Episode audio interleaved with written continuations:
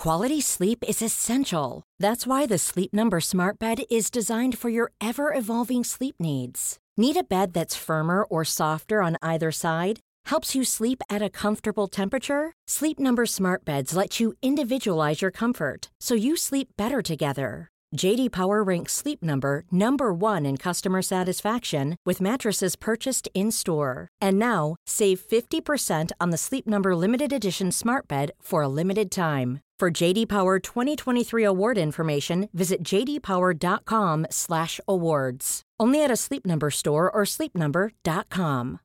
Here's a cool fact a crocodile can't stick out its tongue. Another cool fact you can get short term health insurance for a month or just under a year in some states.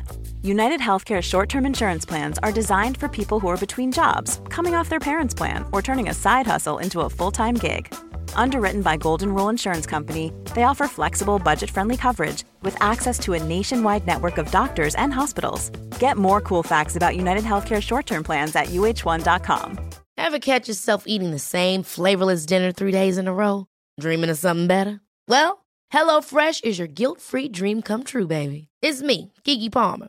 Let's wake up those taste buds with hot, juicy pecan crusted chicken or garlic butter shrimp scampi. Mm. Hello Fresh.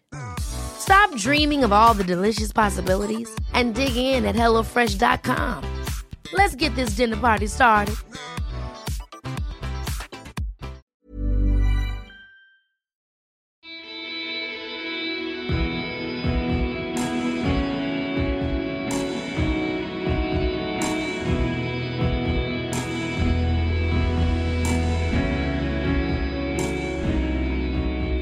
Velkommen til Kaptare, podkast episode nummer 13.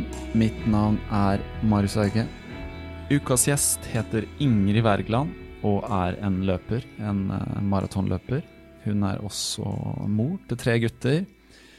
Hun er uh, politisk engasjert, um, lager en podkast uh, og skriver og gjør en hel masse ting. Vi snakker litt politikk først, og så snakker vi om løping. Og som veldig mange andre her på podkasten, så har Ingrid sin reise som løper. Det begynner et sted for oss alle. Um, men før vi kommer til det, så er det verdt å nevne at nå er det tolv dager til jeg skal løpe halvmaraton. Jeg har begynt å trappe ned, eller jeg skal nå trappe ned, for i går hadde jeg den siste langturen min i Nesoddenmarka. Veldig moro å løpe på stier igjen det førte til at jeg ble såpass gira at uh, det ble vel litt hardere økt enn jeg hadde regna med, men uh, sånn er det å løpe på sti når du har løpt på asfalt og mølle og inn på Bislett uh, for det meste denne vinteren. Det ble en del høydemeter. jeg kjente at beina fikk jobba med muskulatur som jeg ikke har engasjert så mye. Um, så jeg er litt støl i dag. Var litt sliten i går, litt støl i dag. Heldigvis er grunnformen kanskje tidenes beste. Er litt for optimistisk nå? Jeg håper ikke det. Jeg syns jeg kjenner at grunnformen er meget god. Utholdenheten er der, farta er bedre enn på lenge. Så nå er det bare å naile den nedtrappinga, da. Som Ingrid Kristiansen skriver på en eh, nettside som jeg hadde oppe i sted, for at hun skriver også eh, en del artikler. Og hun skriver om nedtrapping eh, når du kommer inn i to siste ukene, så skal du ha gnist og overskudd når du begynner de to siste ukene før konkurransen. Så da måtte jeg liksom kjenne litt etter har jeg gnist og overskudd nå. Jeg vil ikke si at det gnistrer av overskudd, men jeg er i hvert fall ikke utslitt. Når man er tobarnsfar og jobber og alt det her, så kan man vel ikke si at man har en haug med overskudd, men jeg vil ikke si at jeg ikke har det heller. Så jeg tror med å på en måte bare løpe mindre nå de siste to ukene, eh, ta noen turer rolig, eh, men også ha noen turer med litt fart, noen drag osv. Hun sier bl.a. at du skal ha en middels hard økt en ukes tid før løpet, og det står i programmet mitt. Jeg har sett litt på programmet. Det programmet er jo egentlig veldig ambisiøst, så jeg tror ikke jeg skal uh, følge det akkurat til punkt og prikke. Jeg kommer i hvert fall ikke til å løpe mer enn fem økter i uka, tenker jeg. Så jeg håper nå at uh, alt går bra fram mot uh, Bergen. Uh, jeg begynte å titte på Yr. langtidsvarselet gjelder ikke helt dit ennå, men det ser ut til at det kan bli en fin temperatur. Foreløpig er det overskya fram mot dem. Vi får se, da. Jeg har faktisk aldri løpt i Bergen under regn, altså de gangene jeg har løpt der. Så kan man bare håpe i år også. ja. Nå trenger vi ikke si noe mer. Nå kjører vi tur. Hei, Ingrid Wergeland. Hei. Uh, andre Ingrid på rad, faktisk. Ja, det er veldig gøy. Det, det er, en gøy. stor ære. Ja. To, to, Ingrid, litt tilfeldig. Det som var litt morsomt, var at uh, det var en som het Jon Ilseng her. Mm. Og så var det en som het Nicolas Jon. og så uh, teksta de sammen på Strava. Mm. Uh, jeg har hørt det på podkasten, og sånn, så skrev jeg 'Nicolas Jon Ilseng'. Smiler. For jeg syns det var gøy at liksom navnet Men det var ikke noe svar på det. da.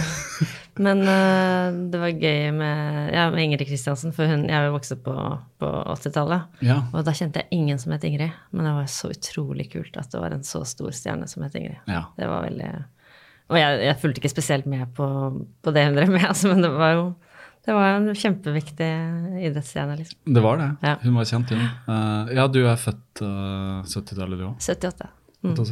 Jeg er 75, så det er, det er sånn cirka samme. For mm. du gikk jo på skole med min kone. Det gjorde jeg. På ungdomsskolen. På ungdomsskolen. Mm. mm. Og da fikk jeg høre at du spilte i Borgen skole. Ja, det gjorde jeg. det var på barneskolen. Det var på barneskolen, ja. ja. Den kan jeg huske, da. Ja. Så det er litt sånn morsomt. Kan du se på nett-TV? Ja, ja, ja. jeg hadde ikke tid, men jeg, jeg satt i sted og så leste jeg, googla litt og holdt på. Og jeg lurte på om jeg skulle google det. Men det nådde jeg ikke. Men det ligger noen klipp ute. Altså hele serien ligger ute? Hele serien ligger selvfølgelig ute, for det er, det er jo NRK.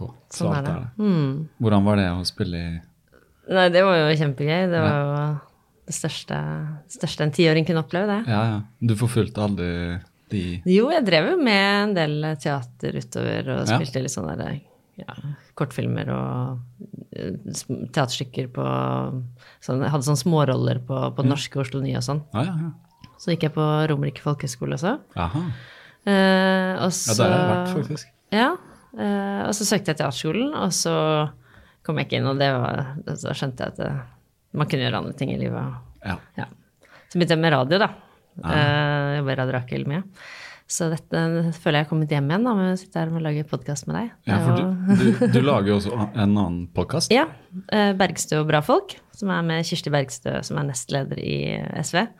Eh, jeg jobba med henne på SV, i SV på Stortinget tidligere. Mm og nå jobber jeg i Manifest Tankesmie, som er venstresidas tankesmie. Så det er et felles prosjekt. Men da, da har vi gjester som er eh, folk som eh, gjør en forskjell eh, der de er. Gjerne tillitsvalgte som, som, som gjør viktig, viktig, arbeid på arbeidsplassen sin. Mm, jeg hørte første episode uh, her om dagen, faktisk. Og det var veldig interessant med hun uh, Nå husker jeg ikke hva hun heter. da. Helena Bosicevic.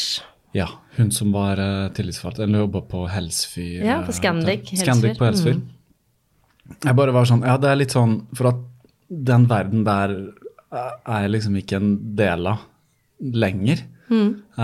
Så det var veldig interessant å bare på en måte komme inn i en sånn som er på en måte veldig mange folks hverdag, da. Og bare høre på en måte hvor mange kamper de må ta, og hvor mye de må stå på krava og sånne ting som kanskje vi andre sånn, Jeg jobba med i frilans sånn, ikke er en del av, da. Mm. Det er litt det som er ideen med hele den podkasten. Eh, å løfte fram stemmer eh, og fortellinger fra folks liv som, som jo eh, ikke fortelles ofte da, i mm. offentligheten, og, men som også er gjenkjennelig for folk. da. ja. ja. Jeg tror alle har, har liksom godt av å å, å få de historiene. Mm. Uh, selv om du ikke leser liksom, Det står vel om dette i aviser og sånn, men kanskje ikke alle. Klassekampen ja, er jo Klassekampen beskriver jo litt om det, men mye sånn dekning i arbeidslivet som blir jo ofte veldig sånn enten veldig ja. Da snakket vi, skal ja, ta det. Okay. Kanskje bare ta en kjapp pause. Det begynte plutselig å bli litt sånn hoiing og sånn. Mm. Ja. Sånn. Kommer sola òg, faktisk. Ja.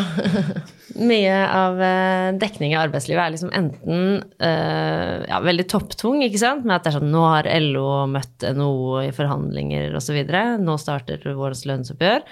Eller så har man jo også historier som er sånn uh, avdekking av sosial dumping, her tjente de 30 kroner timen osv. Mm. Men mer de der hverdagshistoriene om, som ikke det er så mye dramatikk og egentlig nyhetsstoff i, da. De, de, de fortelles jo veldig sjelden. Mm. Og det har jo selvfølgelig med medienes natur å gjøre, men, men uh, det gjør dem jo ikke uviktig av den grunn. Nei, absolutt ikke. Når jeg hørte på hun fortelle liksom Det er de der små kampene, da. Om liksom vaktlister og ja, alle de små rettighetene. Mm. Jeg husker ikke farten, men det de som er viktige for folks hverdag. da. At Veldig man kan viktig. leve med å ha en jobb. For at det er på en måte det man skal gjøre. Man mm. skal jo ha en jobb som man kan gå til og bare kunne utføre på best mulig måte, men da må forholdene mm. ligge til rette. Men du bare ser det at arbeidsgivere legger ikke alltid til rette for at de mm. tar de andre hensyn å ta, som vel ofte er økonomisk. Ja, ja. Altså, De er på en måte ikke så opptatt av folks hverdag fordi at du er en arbeider og du kan skiftes mm, ut. Ikke sant? Det er liksom alltid den tanken. da. Og så er det klart at uh, sjefene deres er nok uh, vel så pressa de ovenfra. ikke sant? Ja. At de har jo sine krav som de skal oppfylle. og da er det jo det er derfor det er bra at man har en arbeidsmiljølov som også kan beskytte de, de mellomlederne mot det presset de, de står i. Da. For da kan, de, da kan jo de si til sine sjefer at men dette, er, dette kan jeg faktisk ikke gjøre, for det, da, da, er det lovbrudd, eller da bryter vi tariffavtalen. Mm. Men uh, ja. Men hvordan er uh, ståa med arbeidsmiljøloven nå, etter fire-fem mange år er vi inne i vi er vel seks år eh, inn i sjette året. Inn sjette året. Med Frp her i regjering. Ja. Nei, altså de har jo gjort, uh, gjort uh, ganske kraftige svekkelser med, i loven med tanke på dette med midlertidige ansettelser. Det er jo det mm. folk merker mest, tror jeg. Mm. det at det før så måtte det jo være enten enten uh, vikar for en konkret person, eller du måtte være ansatt i et prosjekt som skilte seg fra virksomhetens ordinære drift. Mm. Eller du kunne være sesongansatt. altså Du behøvde ikke å ansette folk som jordbærplukker hele året. Det sier seg selv. Ja. Ja. Men, uh, men, så har man jo åpnet for da at du kan være bare helt uvilkårlig midlertidig ansatt et år. Mm. bare fordi ja, sjefen har lyst. Mm. som jo åpner jo for at uh, folk, ja, folk kan få en mer utrygg tilværelse, da. Mm. Og så er jo det argumentet som hele tiden brukes, at da, da, da kommer flere inn på arbeidsmarkedet, og det senker terskelen osv. Men, men samtidig så gjør det jo også at ja, folk blir mer utrygge, og så ser vi jo heller ikke noe økende sysselsettingsgrad av det, for det vil jo på en måte være lakmustesten. Har, har sysselsettingen gått opp ved at man gjør den endringen? Og det, det har den jo heller ikke. Eh, I hvert fall ikke i den betydelige grad som, som man har så for seg. Mm. Men uh, på den annen side så er det jo sånn så jeg, jeg er ikke veldig politisk engasjert lenger. Jeg, jeg var det fordi jeg er fotograf for første uh, avisa som jeg jobba for. Mm. Det var Klassekampen. Oh, ja. Helt tilfeldig, uh, egentlig, fordi jeg jobba for studentavisa i Bergen. Jeg husker jeg har tatt et bilde av en demonstrasjon, og så var det en uh, journalist fra Klassekampen og spurte om de kunne bruke et bilde. Ja. Og det som er litt morsomt, uh, bare for å ta den anekdoten, da da sto jeg i mørkerommet og lagde bilder den gang. ikke sant? Det var jo på mm. slutten av 90-tallet. Uh, eh, og Da lagde jeg en mørkeromskopi, ja. og så ga jeg den til journalisten. Og så gikk hun ned på nattoget og ga den til en konduktør, som tok den med på nattoget. Så kom det journalist fra Klassekampen og henta det bildet, og tok det bort til redaksjonen og skanna det der. Ja. Tenk deg det. Var du født på 50-tallet? Når var det, da? Det var i 97, kanskje. Søren, ja.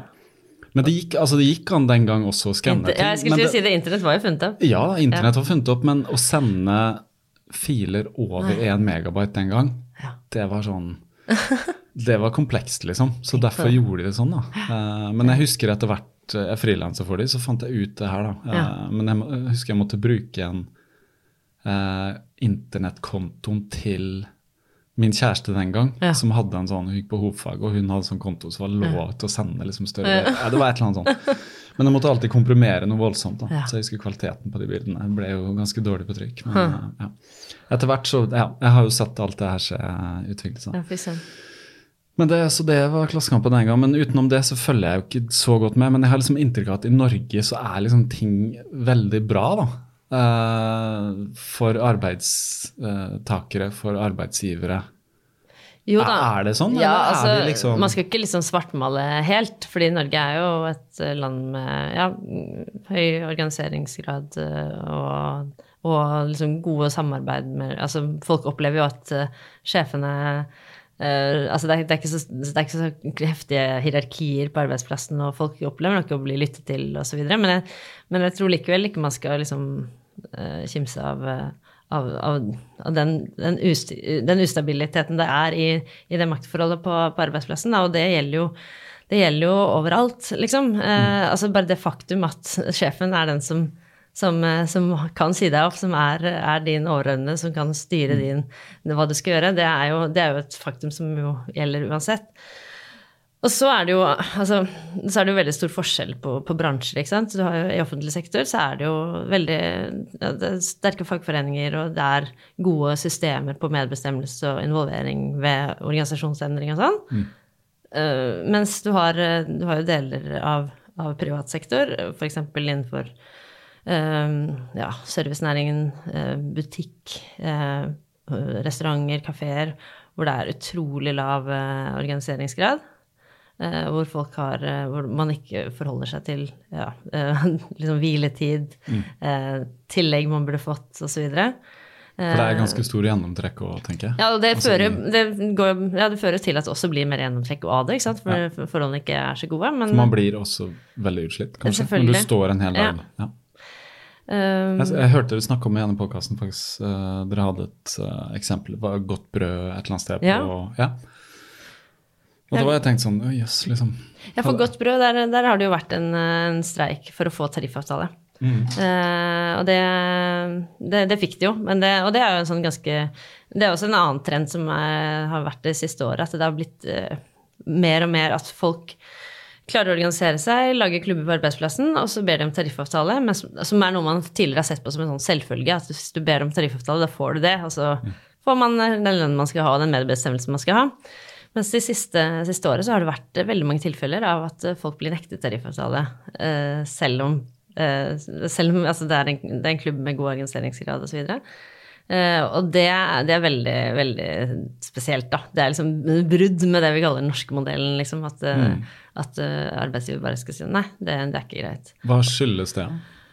Nei, jeg, det blir jo det blir litt spekulasjon, men det er jo klart at eh, når man har en, en regjering som går inn og gjør de svekkelsene de gjør i arbeidsmiljøloven, så tror jeg nok arbeidsgiverne også føler seg at de føler seg litt mer cocky. At de kan på en måte herse litt mer, liksom. Ja. Når du har på en måte makta i ryggen? Ja, og, så, og som eh, en regjering som stadig gjentar liksom at eh, ja, ja, det er fint at folk er organisert, men det er også fint at folk ikke er det. Vi skal ikke liksom blande oss i det. De bruker jo ikke akkurat de ordene, men, eh, men, eh, men akkurat eh, det har de jo hatt som en formulering i regjeringserklæringen, at vi anerkjenner også at folk ikke er organisert. Eh, og da, da er det klart at da, da vil vel også da de bedriftseierne tenke at ja, men det er jo akseptert å ikke være det, så da ja. Så hva er, det, hva er det du gjør i, i Manifest? Altså hva er det Nei, jeg er kommunikasjonssjef, Ja. så, så jeg jobber jo med, med å få ut de tingene vi lager, da. Av rapporter og, og bøker og pamfletter og sånn. For jeg så du har skrevet en bok eller en pamflett eller jeg vet ikke Ja, hva den ble kalt, ja. som handla om eh, Den het I takt med tiden. Ja. Ja. Uh, noe jeg syns er interessant med handler om sekstimersdagen. Ja, kan du ikke fortelle litt om det for Mm. Ja. lyttere som ikke vet at det er noen som tenker at det går an å jobbe seks timer om Ja, nettopp. Nei, det er, eh, det er jo eh, rett og slett Det er jo en eldgammel tanke, da. eh, Det med, med å, å korte ned arbeidstiden. Altså, det har jo på en måte vært Men det har jo skjedd, for at før jobba man jo mye, mye mer. Nettopp. ikke Ja. sant? Sånn at det, det har jo vært på en måte fagbevegelsens kamp helt fra man startet å organisere seg på, på midten, slutten av 1800-tallet. har jo vært det å hegne om sin egen tid og ha gjøre liksom Markere hva som er arbeidstid, og hva som er fritid. Og at den arbeidstiden skal være um, mellom to, to tidspunkter, og da, da kan sjefen godt bestemme hva jeg skal få betalt for det. Men etter det så skal jeg ha fri. Og det var jo hele starten på, på fagbevegelsens kamp for åttetimersdagen. Um, og, og så, så Altså det at den kom gjennom, eh, var jo ganske spektakulært i seg selv, for da hadde jo folk hatt liksom ja, 11-12-timersdager, ikke sant. Når, jo- når var dette? Nei, det var jo 19, eh, 1919, så det er 100-årsjubileum eh, nå. Men fram til da hadde det jo vært en ganske annerledes arbeidsliv tror jeg enn nå. Da? Det var ganske porøse dager med liksom, at man hadde lange middagspauser osv. Men man var liksom Det å jobbe var jo noe man gjorde hele tiden, liksom. Eh, også på lørdager. Um, og, og da man fikk eh, åttetimersdagen, så, så er jo det historikerne slår fast at det skjedde fordi vi var, levde i en ekstremt turbulent verden hvor det nettopp hadde vært revolusjon i Russland. ikke sant? Det var et stort internasjonalt krav om at man skulle ha åttetimersdag. Så det at, eh, at de, også de borgerlige politikerne gikk med på å gi åttetimersdag, det handlet om eh, Det handlet rett og slett om et vern mot revolusjonen. De var litt redde? Ja, rett og slett. Altså, vi gir dem det, så kanskje de er fornøyd. ikke sant? Og så, og så utover eh, 30-tallet, med de store økonomiske krisene, og sånn, så kom allerede da eh, kravet om sekstimersdag. Og da handlet det om frykten for massearbeidsløshet, frykten for fascismen og frykten for at folk i sin liksom, ørkesløshet og fattigdom eh, ville ty til fascistiske ideer. Da. Så da så man for seg at ved, å, ved at eh, heller flere jobber, kan vi heller dele på arbeidet, eh, så kan vi skape en solidaritet og en sterk eh, fagbevegelse. Eh, og sånn sett verne oss mot fascismen. Eh, så ble det jo ikke det, da. Eh, Men, men, men det har jo skjedd utover liksom, ja, 50-, 60- og 70- og 80-tallet, så har det jo skjedd store, store endringer i arbeidstiden, selv om ikke sekstimersdagen har kommet.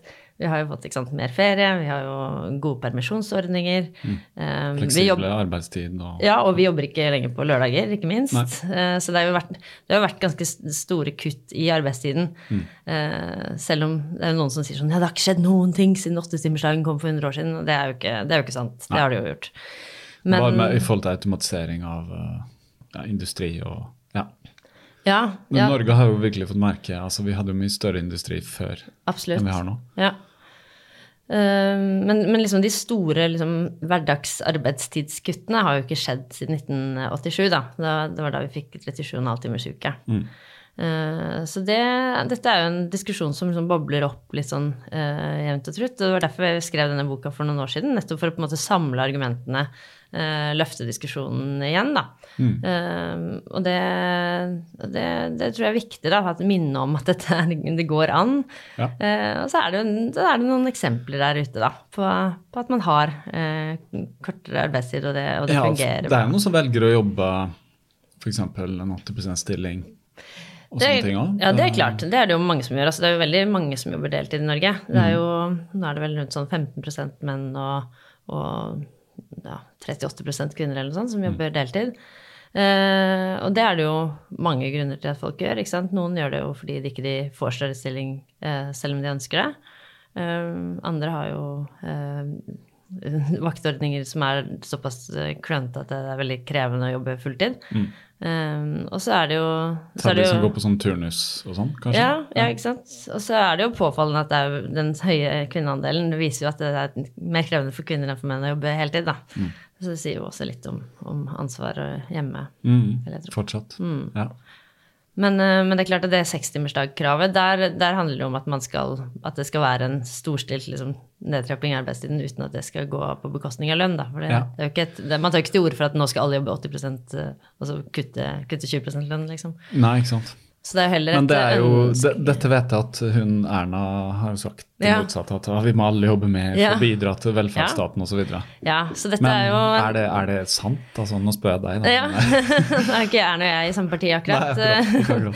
Nei, altså det, det er jo Men er det liksom fare for velferdsstaten? For det er litt sånn, det virker som liksom, høyresiden alltid litt sånn ja, det er liksom, altså, Nå må vi jobbe og stå på, folkens. Hvis Ja. ikke så mister vi liksom ja, Jeg vil jo si at den største trusselen mot velferdsstaten er høyresiden, da. Ja. Eh, Men, eh, men Ja, ved eh, privatisering og Ja. Ja. Skattekutt, privatisering, at vi, at vi må betale mer av egen lomme. at man bygger ned, bygger ned det offentlige helsevesenet og heller styrker det private gjennom det de kaller fritt behandlingsvalg, f.eks., som Mm. tapper de, de offentlige sykehusene for, Mm. for penger og, og, og flytter dem over i, i de private syke, Mm. eller helseinstitusjonene. Skal jeg ta den, forresten? Er det varmt? Nei, det går fint, du, det går fint med sol. Ja, ja. Det er bare deilig. Tenker det blir skikkelig varmt her inne. Vi sitter, bare for å si det, vi sitter i ja, Det er ett vindu, og der sto solen inn, og nå er klokka fire. Så jeg hadde glemt at det er på den tiden jeg kommer. Men nå går sola stadig høyere, da, så Det går fint. Det er bare koselig med sol. ja, det er bra. Jeg vil Nei, ikke men- koke deg der borte. Men det er jo det som jo er fascinerende, du nevnte robotisering og automatisering og sånn, og det som jo er fascinerende, er at det skjer de Vi blir jo fortalt to historier parallelt her om hvordan samfunnsutviklingen er. På den ene siden så sies det vi må jobbe mer og mer. På den andre siden så sies det robotene tar jobbene våre, det blir stadig mindre oppgaver å gjøre.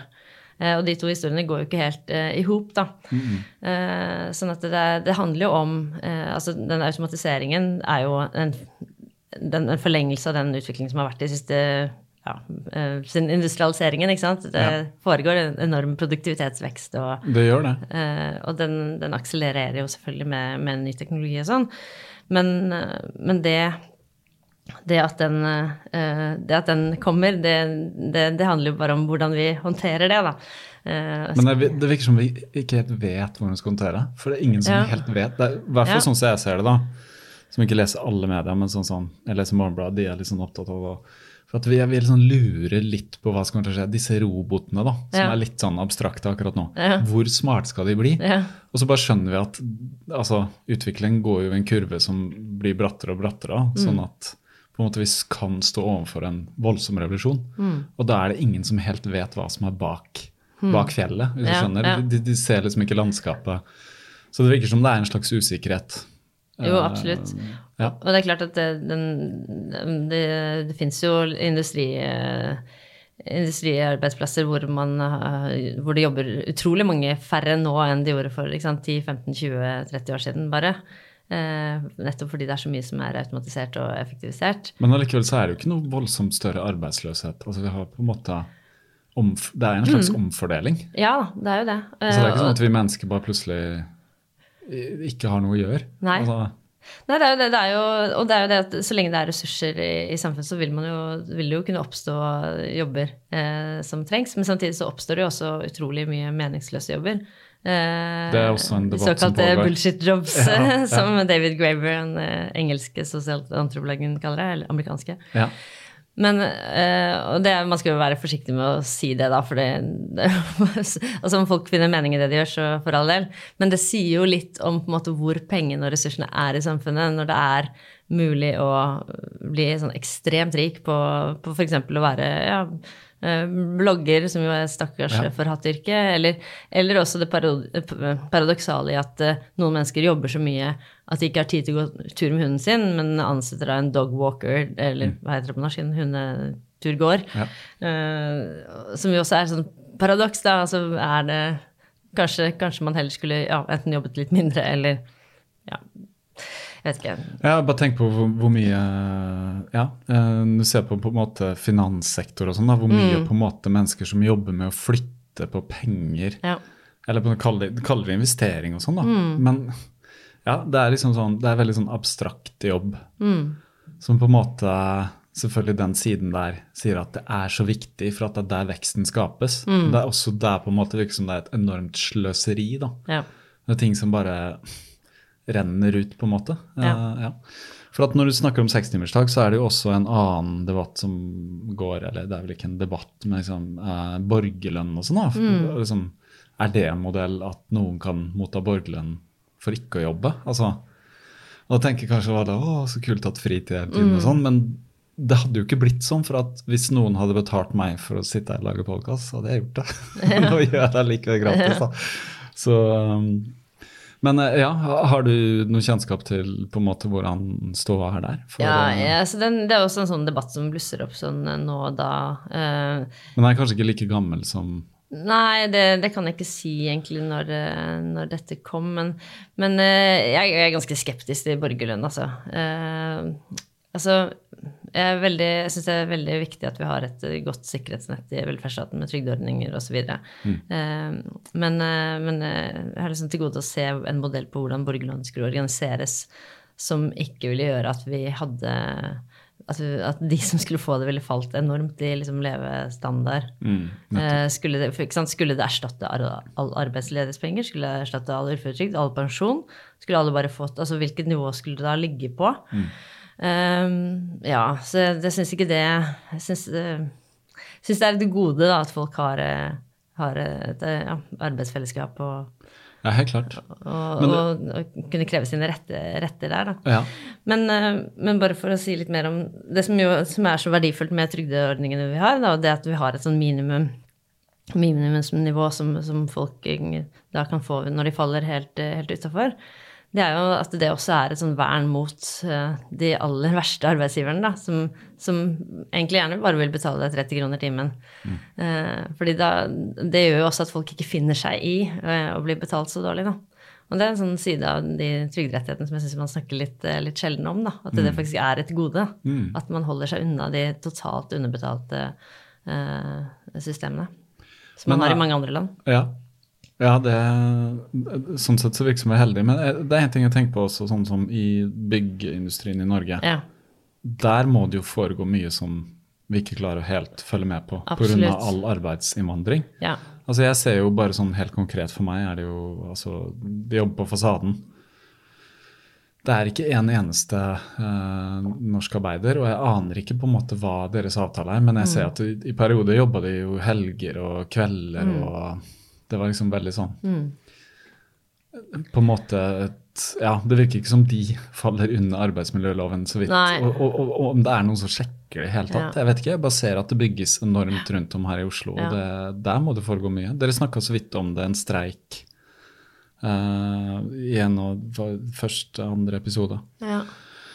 Uh, det vet ikke om det handler om det, men mm. Nei, det vet du noe om hvordan på en måte ståa er i Byggebransjen er, Ja. har jo vært veldig utsatt for Når vi snakker om eh, 30 kroner timen og sånt, så er det vel en, kanskje ikke så ille, men det er Jo, på en måte mye ja. utenom offentlige systemer. da. Absolutt. eh, Og det har jo, som du sier, med veldig med den EØS-innvandringen å gjøre. ikke sant? At det er, det er veldig, veldig mange som, eh, som eh, er villige til å jobbe for, for ganske lite.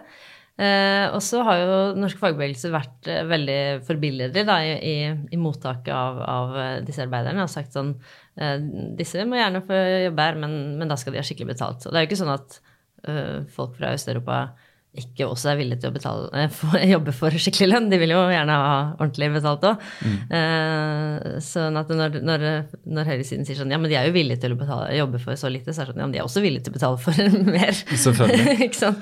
Nei, Men, da må de jo betale skatt osv. Så, videre. Ja, ja. så det er kanskje Ja. lettere for en arbeidsgiver å tenke at de betaler i Antagelig Svart, kanskje svart, da. Så du slipper masse papirarbeid, arbeidsgiveravgift og alle disse tingene Sånn. kost, koster bare mye mer. Når du spør om det med kontroll og sånn, så har jo så Der igjen spiller jo fagbevegelsen liksom en, en viktig rolle, fordi det er jo liksom fagbevegelsen som er rundt og, og ser liksom eh, hva som skjer. Eh, man har jo selvfølgelig Arbeidstilsynet, men det er jo grenser for hvor mange kontroller de kan ta eh, overalt. Eh, men så er det selvfølgelig no, eh, sikkert veldig mange arbeid, byggeprosjekter hvor ikke det er noen klubb, da, eh, eller en, en forening som kan, som kan passe på. I hvert fall de kanskje mindre prosjekter. Ikke som sant? oppussing Ja. og så. Altså. Det er sikkert litt annerledes enn i Barcode, hvor Ja, det er sånn enorme prosjekt Ja. som er veldig sånn Og da er det kjempevanskelig. Men det er jo, der er jo også da eh, Fagforeningen i Oslo har jo startet et ganske nylig prosjekt nå eh, som heter Fair Play Bygg, hvor de faktisk går rundt og sjekker da, og snakker med folk og sånn. Men eh, det er jo en kjempevanskelig sak, fordi det er jo klart at de, de vil jo miste jobben ikke sant? hvis de sier fra, og det fins doble kontrakter. Det fins eh, eksempler på at folk får, eh, får lønn, men og har en, en- liksom en fin kontrakt, men de får også beskjed om at de skal betale tilbake halve lønna inn på arbeidsgiverkonto etterpå. Hvis ikke så trues de med bare Ja, så, så blir de ikke ringt neste gang, ikke sant. ja. Så det er alle mulige triks for å komme seg unna Ja, disse kontrollene. Ja. Ja. ja, det er nok mye skjult der. ja. Så det er ganske Er det, er det noe vi kan gjøre med det? Altså vi som sitter her og hører på? Nei, hva skal man gjøre da? Altså, det er jo øhm, Alle er på en måte litt opptatt av rettferdighet, uh, Ja. regner jeg med. da. Uh, Jo, nei, men det er jo ikke så lett. Uh, altså, jeg vil jo selvfølgelig oppfordre folk til å stemme SV og stemme til partier på venstresiden som, har, som vil stramme lovverket og, gjøre, og regulere markedet ytterligere, da. Eh, fordi, for dette er jo ikke liksom det, det er jo ikke så lett å drive med noen slags sånn forbrukermakt i, når det handler om så store strukturelle problemer. Eh, men ellers så er det jo, hvis man sitter i styret, borettslaget sitt og skal eh, pusse fasaden, så kan man jo f.eks. være opptatt av at man skal ha inn et firma som har tariffavtale, f.eks. Mm. Men, for ofte går det jo på anbud. Ja. Jeg vet det at nå Mm. Jeg er ikke i styret, men mm. Tale har vært i styret, da, så vært gjennom en del sånne ting. Men nå hadde vi anbud, da. um, på Pusse opp fasaden. Og da var det, fikk høre at de valgte et firma som hadde egne stillas. Ja. Det var viktig, da. Ja. Men allikevel så har Jeg skjønner ingenting, men det stillaset har stått fem måneder, tror jeg. Ja. Utenfor. De tok den ned nå. ja. Og til tider var det ingen som jobba der. Nei. Så det er litt sånn, ok, du velger ting på anbud, og de har stillas, og det er sikkert lurt, og da går det fort, og slipper Ja. å leie stillas og sånn, men kanskje du hadde valgt de som leier stillas, så ville gjøre jobben Ja. grundig og fort, fordi Ja, men uansett, så Men det ble visst noen trusler om noen dagbøter og sånn, så jeg så nå har de jobba helt vilt siste ukene. Ja. Uh, og det ser jo bra ut, men ja. Mm. Men ok, eh, bruk stemmen. Absolutt. Ja. Det er sånn det, det må man i hvert fall kunne, Ja. kunne si. Og så, ja, tenk på, tenk på det. Hvis du har noe innflytelse noe som helst sted i et styre, eller noen ting, så er det tariffavtale som gjelder. Mm. Ja. Ja. Ok, men det var litt om eh, det. Hvis du vil lese den boken, så kan man vel få tak i den. Absolutt. Det er bare å sjekke på manifest.no. Ja. Det ligger eh, bøkene våre der. Eh, og ellers så holder Vi var jo litt innom podkast, men uh, er det noe dere gjør fast? Ja, det er en ukentlig Ja. Ja, jeg sjekka det ikke sånn, kommet kom et en gang i uka. Ja. og holdt på sånn siden begynnelsen av året? Eller? Ja, ja, vi har vel ut, jeg husker ikke, ja, nesten. Ja, vi har vel ute en åtte episoder eller noe sånt. Hva var ideen til å starte med den? Nei, det var litt det jeg var inne på i sted, da. Det med å fortelle disse de underfortalte historiene i offentligheten. Ja, Mm. Så det var litt det. Så vi, både Kirsti Bergstø og jeg møter jo Kjenner til mye folk i, i fagbevegelsen som gjør mye bra, da. Eh, Så vi ønsket å få de fortellingene fram. Mm. Så det var Men det har dere jo fått. utgangspunktet. Mm. Ja.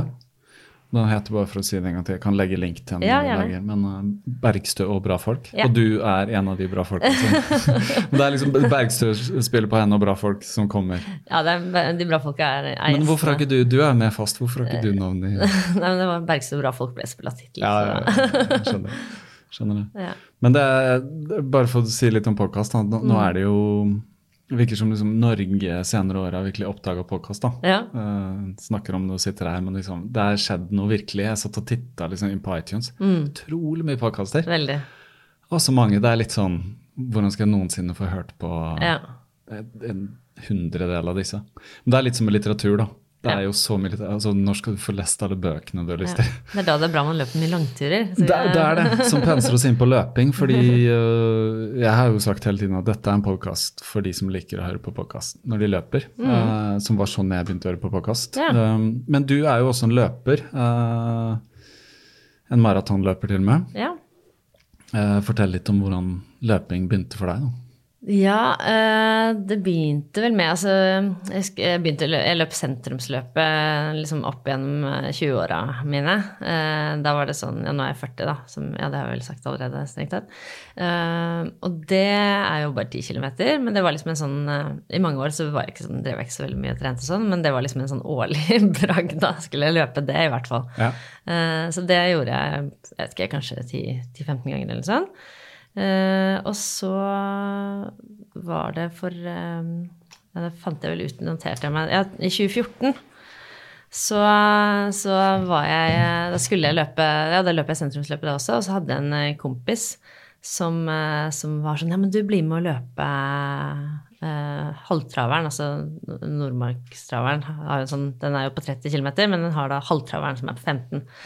Og det var jo rett over sommeren, da. Det avtalte vi på våren, eller rett før sommerferien. Og jeg bare ja, ja, klart det. Så jeg var sånn derre Shit, det er sjukt skulle løpe 15 km. Jeg var sånn der, det, det er jo helt dødslangt. Men jeg, ja, jeg synes, ja, ja, det hadde jeg ikke engang tenkt på. men Bare det at det var 15 km, jeg syns det virket kjempelangt. da, for Jeg hadde løpt sånn 10 mange ganger, men 15, liksom. Det virket så helt sånn uoverkommelig. Og så var sommerferien slutt, og så snakker jeg med kollegaen min sånn Ja, vi skal løpe det, ikke sant? Og han bare Nei, jeg har egentlig ikke trent så mye. Så da, Sa du? Nei, han hadde ikke det. ja. Og jeg hadde jo ikke tenkt på han den sommeren, for det var en avtale vi hadde, liksom. Ja. Så da endte jeg med å da dra og løpe det selv, da. Og da møtte jeg en venninne i, i startområdet der. Og hun skulle løpe den, og så et par uker etterpå skulle hun løpe med halvmaraton, og så senere på året, da skulle hun løpe New York Marathon. Og jeg var sånn, du er helt gal, det er helt sjukt, hvordan skal du løpe så langt, liksom? Jeg syns jo 15 var galskap i seg selv. Og hun bare, jo, jo, jo, det går bra, og du, kan du også, og sånn. Og jeg bare, nei, nei, det kan du ikke, hva er det du snakker om? Og så løp jeg da disse 15 kilometerne, som faktisk eh, Faktisk var det en eller annen dust som hadde snudd på et av skiltene ganske tidlig i løpet. Sånn at eh, løypa ble liksom lagt feil, da. Eller de, fra førstemann begynte da å løpe liksom feil. Så det var veldig forvirrende. Jeg så på liksom hvor langt jeg hadde løpt, og sånn, så det endte opp faktisk med å løpe da 16,2 eller noe sånt. Eh, det var ikke så farlig for meg, jeg hadde ikke løpt det før, men for de som hadde, skulle sammenligne med tidligere tider, var Ja, det veldig selvfølgelig. irriterende. Ja, det er jo sånn folk blir helt gærne Ja. av. så- Det jeg, mangler 100 meter på liksom, Ja, halvmaraton, så blir det helt sånn Nei. mens jeg var sånn der, Hæ? Jeg har løpt 16, og det er jo enda mer enn 15! Det er helt sjukt! Så jeg var veldig veldig imponert over meg selv, da. Du kom i mål og var liksom Ja, ja. Dette takla de. Ja, ja, det gikk jo helt greit. Og min venninne som da senere skulle på halvmaraton og maraton, hun hadde løpt 20 minutter saktere enn meg. Og da ble jeg sånn Ok, dette her, dette kan jeg også drive med. Mm. Så jeg fikk veldig selvtillit av det, da. Eh, og så var det en Og så sjekket jeg da på Oslo Maraton om det var noe ledig halvmaraton, så var det ikke det. Men så dukket det opp igjen på Facebook en venninne av meg da som Da var det fulltegna? ja, det var fulltegna, faktisk. Ja, ja. Mm. Det har det vel ikke vært senere, men det var det det året, da. Uh, så heldigvis så fikk jeg, fikk jeg overta en annen venninne sin sitt startnummer. Mm. Og så gikk jo det veldig fint. Du løp halv da? Da løp jeg halv. Så da hadde jeg løpt liksom Jeg hadde jo fått trent litt til imellom, da, men jeg tror det lengste jeg hadde løpt på, på treningstur, var liksom 17-18 eller sånn, da. Så da kom jeg i mål på sånn Nå har jeg ikke notert meg alle tidene, men jeg tror det var sånn 1,51 eller sånn. Mm. Så det var jo, det var jo kjempegøy. Det føltes sånn sykt bra. Og det var, det var første Ja, ikke sant, du sa løpt 17-18. Ja, Alt, da- alt som er liksom sprenge grenser, er Ja, ja, fantastisk når det, når det føles godt etterpå. Og da så møtte jeg en kamerat i startfeltet eh, som jeg ikke hadde sett på mange år. Eh, som også hadde liksom sjekka ut på litt sånn kalkulatorer på nettet, sånn at han også skulle komme til mål på sånn rundt 1,50. da. Så da løp jeg sammen med han, da. Så det var veldig, veldig hyggelig, da. Vi tok det liksom som en tur. Vi var sånn dette skal vi bare klare, liksom. Eh, så løp jeg vel fra han de siste tre-fire kilometerne eller sånn, men, eh, men eh, det var, gjorde det veldig hyggelig også, da. Vi prata ikke så mye underveis, men det var liksom litt, da. Ja. Innimellom litt sånn smakemotor. Liksom. Ja, ja, ja. Så det var veldig hyggelig.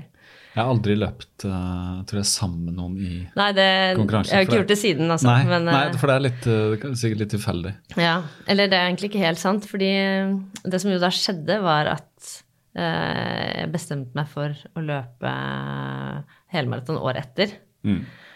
Eh, Som var hvilket år er vi da? Nei, da ble det Altså, jeg skulle da løpe mitt første helmaraton 2015, da. Mm.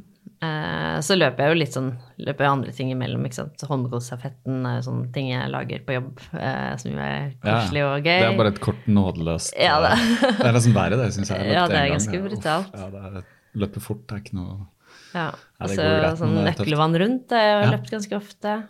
Um, ja da, så da, men da jeg skulle trene meg opp til helmaraton, da da prata jeg mye med liksom folk som hadde løpt maraton før, da. Jeg, Mm. Det var ikke det at jeg leste meg så mye opp på det, jeg leste jo litt sånn her og der og sånn, men jeg fikk liksom noen råd som jeg syntes var ganske greie, som var sånn løp to mil hver tiende dag, og løp mye ellers, og løp litt intervall. Mm. Ja, noe sånt. Ja, Og Det er en sånn god, grov skisse. ja, ikke sant. Så det syns jeg hørtes greit ut. Og det var liksom, det korresponderte liksom hver gang jeg leste litt mer om det, så var jeg sånn ok, det, det virker som jeg hadde fått, fått tak i det, liksom. Så du klarte å få jevn treningen?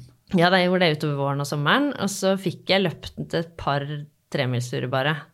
Så det, da husker jeg møtte en, en, en, kompis eh, like før, da, og som var sånn nei, du burde ha løpt litt mer lange turer, altså. Det er ikke så Dette er litt lite. Eh, men det, da var det jo for seint, det var ikke så mye mer å gjøre med det. Og da hadde jeg også tatt disse kalkulatorene igjen, da, for å finne ut hva jeg lå på. Eh, og fant nei, at jeg kunne komme i mål på sånn 3,50 Var det en annen som sa sånn 3,45 Eh, og han, han som mente jeg burde løpe mer, han uh, Andreas Humpeland heter han. Han er uh, sånn gammel uh, Dagbladet-skribent og Ja, journalist. skri- ja, han han har skrevet en bok om løping også. Ja, han har det. Han, skrev, han skriver i Runners World, tror. Ja, sånn, sant, ja, veldig morsom. Ja, veldig artig fyr. Og han, han hadde jo, skulle da det året være fartsholder på 3.30. Så han var sånn Ja, du skal ikke løpe med meg. Og jeg var sånn Nei, du sier jo sånn 3.45 og sånn. Så jeg tror ikke det. Det blir nok litt for fort. Men så fikk jeg jo, etter hvert som dagen nærmet seg, så fikk jeg jo mer og mer hybris. Jeg ble jo mer og mer sånn Kanskje det bare går an å bare løpe på 3.30? Som være sånn Jeg vet ikke hvor det kom fra, men jeg har vel litt tro på meg selv, da. Ja, ja, ja. Det, det må man ha, da. Ja, så da maila jeg han, og så var jeg sånn Ja ja, du er jo ikke en sånn algoritme av en kalkulator, du er jo et menneske. Hva Men hvilken kalkulator var det du brukte? Nei, å- Det var sånn jeg bare søkte på nettet, ikke sant? Ja. Sånn der, hvor du skriver inn hva du løper en 10 km på, Ja, og så ja. anslår de sånn ja, forsinkelse pga. lengde og sånn. Ja. Og så hadde jeg jo sjekket flere forskjellige, og det var vel så det var jo liksom flere som var oppe i sånn 350, men så var det én De har jo litt forskjellig måte å beregne det på, så var det en som ga meg 345, og jeg var sånn Det er jo nesten 330! Tror man. ikke sånn. Så jeg mailer han og bare sånn Jeg har jo ikke hatt noen skader, jeg har løpt sånn og sånn. Jeg er jo i god form, liksom. Hva tenker du? Og så var jeg sånn Ja, nei, men du, det går fint. Løp med meg. Så da avtalte vi det, da. At jeg skulle løpe med han hadde da sånn flagg på ryggen med 330. Mm. Åh, så det var jo Det var jo veldig fint. Jeg løp med han. Eh, han holdt jo en eh, ganske høy snittfart. Eh, 330, da ligger du på en sånn det ligger på sånn fem blank. Ja, ikke sant? Ja. I underkant, tenker jeg. Mm. Ja, 458. Ja. Det, det, det er en veldig fin fart veldig lenge, da. ja, det er det. Så det var fint sånn- lenge. Ja, ja. Og da vi kom, og det var morsomt, fordi året før hadde jeg jo løpt inn på Vet du hva jeg sa? Jo, jeg sa ikke 1,51 eller 1, jeg tror kanskje det var litt raskere, kanskje 1,48 eller sånn, da. Mm. Uh, 1,48 tror jeg det var på, på halvmaraton. Og da passerte jeg jo da eh, halvmaraton eh, på 1,44, da, når jeg løp med han. Du har allerede persa på halv. Ja, ikke sant? Men jeg skulle løpe en gang til. Ja, ja. Og det er det med Oslo, ikke sant? Da kommer du der, og så en runde til. Ja. Og da er du ikke like fresh som når du Nei, går ut Er ikke det, vet du. starten. starten. Så da begynte det Og så hadde jeg jo hørt, jeg hadde snakket med folk som hadde løpt maraton, og de var sånn Maraton begynner når du kommer på 30. Det er da det begynner. Liksom, eller da er du halvveis, er det vel folk sier. Ja. Så, og fortellinger om at man møter veggen, og jeg var sånn Hva er det? Hva betyr det? Og jeg skjønte liksom ikke helt det. Og folk fortalte Hvilken vegg? Ja. Det er jo Det er ikke noe vegg her. Helt åpent, jo. Og så, Det er masse folk, da. og så sånne Jo, du kommer til å få vondt i knærne, du må bare holde ut. Mye sånne greier som folk sa, som liksom kverna opp i hodet mitt. da. Og så da jeg kom på 27, da møtte jeg veggen.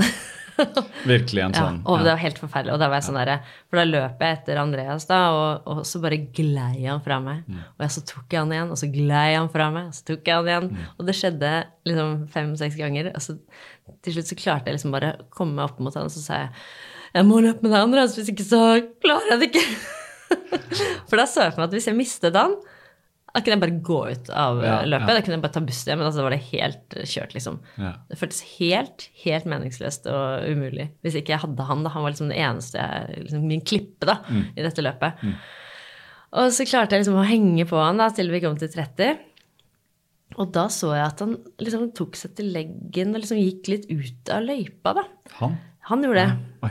Eh, Så det virket som det var skjedd et eller annet rart. eh, Noe krampe eller noe. Og der var det en drikkestasjon, og så tok jeg meg en drikke. Og så var det jo en annen 330-ballong også. Han forsvant jo bare i det fjerne. Og så mistet jeg jo da Andreas. Men det som skjedde, som jo altså hodet er jo også ute å kjøre når man eh, løper maraton, så det som skjedde med meg mentalt, var at det var ikke Andreas som løp fra meg, det er jeg som løper fra han. Så plutselig så gjorde det liksom ikke noe at jeg hadde falt enormt i fart. Nei. Fordi eh, ja, jeg, jeg, jeg beseiret han på en eller annen måte. Det var veldig sånn rart uh, som skjedde da. Uh, og det var åpenbart at det, det ble ikke noe 330 på meg, men, uh, men da kunne jeg liksom fortsette. da. Og da den siste da, mila, eller den 12 km, da, var jeg så, altså, da hadde jeg så vondt i lårene. Kjempevondt i lårene. Jeg husker jeg løp og sånn, tenkte sånn Hvorfor har ingen sagt vondt i lårene? Alle snakket om knærne. Sånn forbannet liksom alle disse rådene jeg hadde fått, så manglet det med lår. Akkurat som de hadde gjort noe bedre. Ja, ja, ja. Eh, og jeg var så kvalm. Jeg hadde drukket så mye sånne dritt underveis. Og sånn der, spist så mye banan, spist så mye gel og spist så mye Du hadde, ja, du gjorde det. ja, jeg spiste alt jeg kom over, pluss at jeg hadde med meg noen ting. Ja. Sånn der cola, kaffe, søl, og det var liksom Det hjalp ikke. Nei, jeg var kjempekvalm. Jo, det hjalp jo. Jeg fikk jo energi av det. Ja. Men jeg var ekstremt kvalm, da. Ja.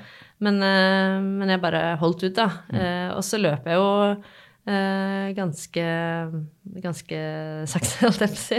Eh, Men, eh, men altså, det, jeg falt ganske mye tid, det kunne man se etterpå på liksom, oversikten. da. Men eh, så kom jeg til eh, Hvordan var det? Jo, vi kom til, til operaen, og så skulle man da løpe langt ut på Sørenga, som var en sånn utrolig irriterende tur, for man skulle bare ut på Sørenga.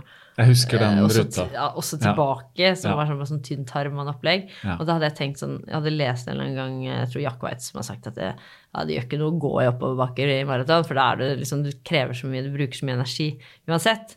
Mm. Eh, så bare, bare gå litt i oppoverbakker, liksom. Så jeg løp hele tiden og tenkte at eh, ah, når jeg kommer til den der, den der bakken, den broa over mot Botanisk hage da, fra operaen der, Mm. da skal jeg gå. Og da, da jeg kom dit, så faktisk, apropos din podkast her, da, sto, da begynte jeg å gå, og så sto Ingrid Kristiansen liksom litt oppi bakken der og heia, og så bare Jeg så henne. Og så bare fikk jeg så ekstremt mye energi og, og liksom entusiasme og, og trygghet da, av at hun var der. Jeg kunne ikke drive og gå når hun sto der, liksom. Det er en skam.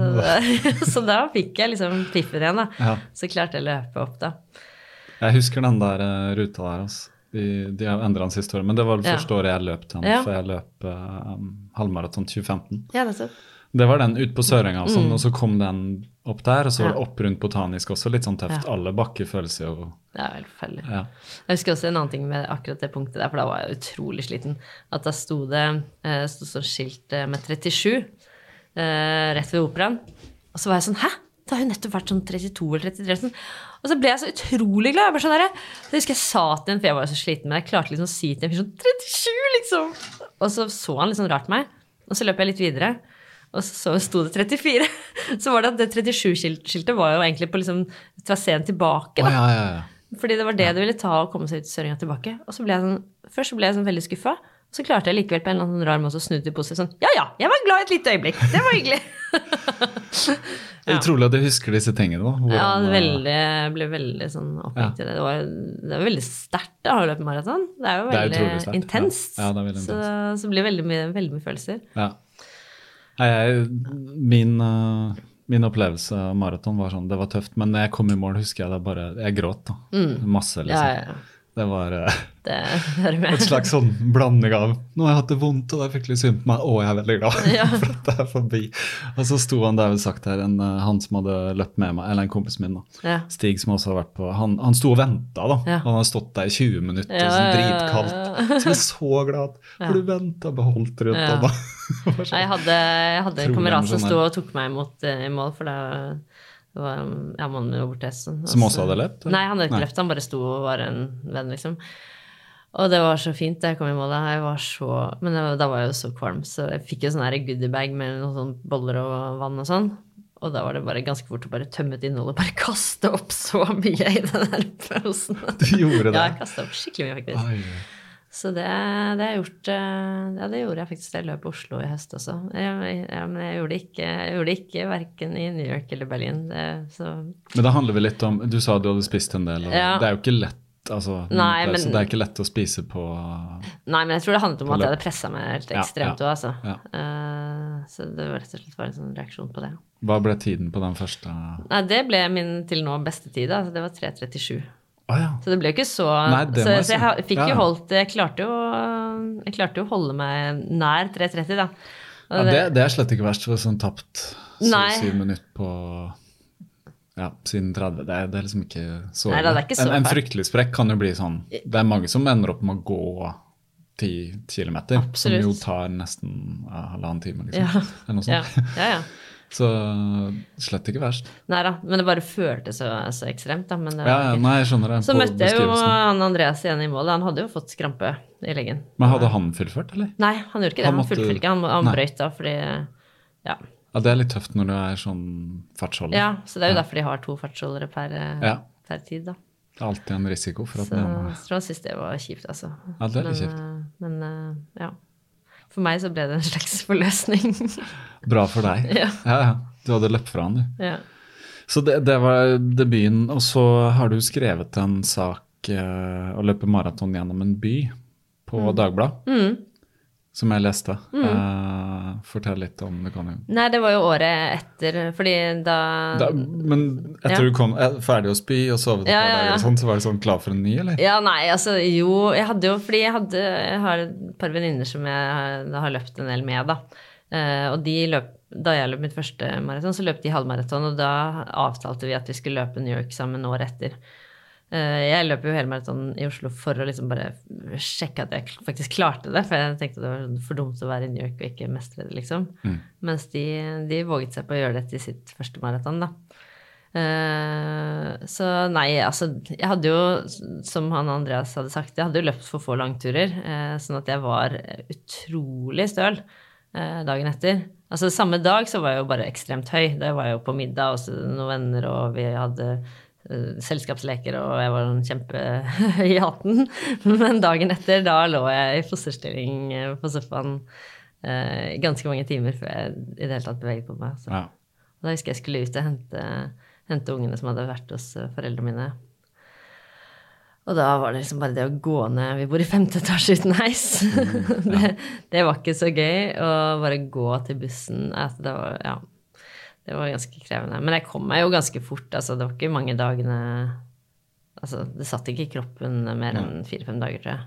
Men det er ikke bare sånn, sånn som jeg eh, har skjønt litt med etter hvert. Det er ikke bare liksom mangelen på langturer, men kanskje mangelen på lang trening og kontinuitet og mye kilometer sånn. Ja, ja, For det er mange det, som altså. løper en maraton uten å ha løpt så mange langturer, men de har løpt så lenge. Ja, ja, det kan stemme. Og så har de så mange, de får inn så mye kilometer i uka eller i måneden. Ja, ja. At liksom, Ja, det kan godt hende, altså. fordi jeg også hadde sånn jeg før på maraton, masse langturer og sånn, men jeg hadde liksom ikke løpt så mye, da. Mm. Sånn at jeg tror, selv på den treninga jeg har nå, eh, som er færre langturer, Mm. men oftere, så skulle jeg klart å løpe en maraton nå. Ja, Ja, Da hadde jeg selvfølgelig gått ut litt med piano, men jeg tror jeg skulle klart å ta Mm. den tiden min som var sånn 3.50 eller noe sånt. Eh, for jeg ser også venner av meg som løper veldig jevnlig, og ikke nødvendigvis ikke så utrolig mange langturer, men har løpt også mange maraton. Så er det akkurat som det sitter noe i Ja. kroppen Ja, som liksom vet det tror jeg stemmer, Altså. Ja, altså. sant? Og du har jo løpt flere også, så Ja du har vel fått erfare det. Absolutt, men, eh, men, men, men første gangen så hadde jeg jo ikke det. Altså, da hadde jeg jo ikke løpt så mye. Liksom. Nei, nei. Hus, husker du hva liksom du lå på i nei, det, uka? sånn? jeg har ikke drevet nei, og telt så mye sånt. Men du er sånn som løper uten Tar, tar, du, tar du opp uh, turene dine på GPS og sånn? Ja da, det bare ja, det har jeg begynt med nå liksom, Ja. de siste par årene. da. Da jeg løp eh, New York, så løper jeg liksom med min svært enkle Casio-klokke. Liksom. Ja, noe Bare start på Nei, nei, der hadde jeg ikke noe Nei. Det, det er bare Bare sjekka hva er klokka. bare sjekka klokka innimellom, men det, altså, New York er jo miles og sånn, så det er jo totalt forvirrende. Så der burde jeg jo hatt en klokke. men eh, men eh, Nei, men det, det som var gøy med den, å, skulle dra til New York, det var jo den, det at jeg dro med disse venninnene mine, da, at vi hadde det som en sånn felles, felles plan. Eh, Så vi trente jo sammen, løp eh, langturer sammen og forberedte oss eh, sammen sånn, da. Så det var en veldig sånn hyggelig, hyggelig ting å gjøre. Fordi da jeg begynte å løpe, så, så var det jo mye sånn eh, ja, behov for tid for seg selv, eh, ro. Eh, ja, gjerne høre på podkast eller musikk, altså, men, men det å liksom bare være litt eh, i fred. Fordi Ja, klart. Ja, for du, du også, det har vi ikke nevnt, men du har jo barn. Ja, jeg har tre barn. Du har tre, Eh, tre gutter, så vidt jeg vet. ja, Ja. eh, nå er jo de ja, 8, 11 og 13, men det var de jo ikke i 2015.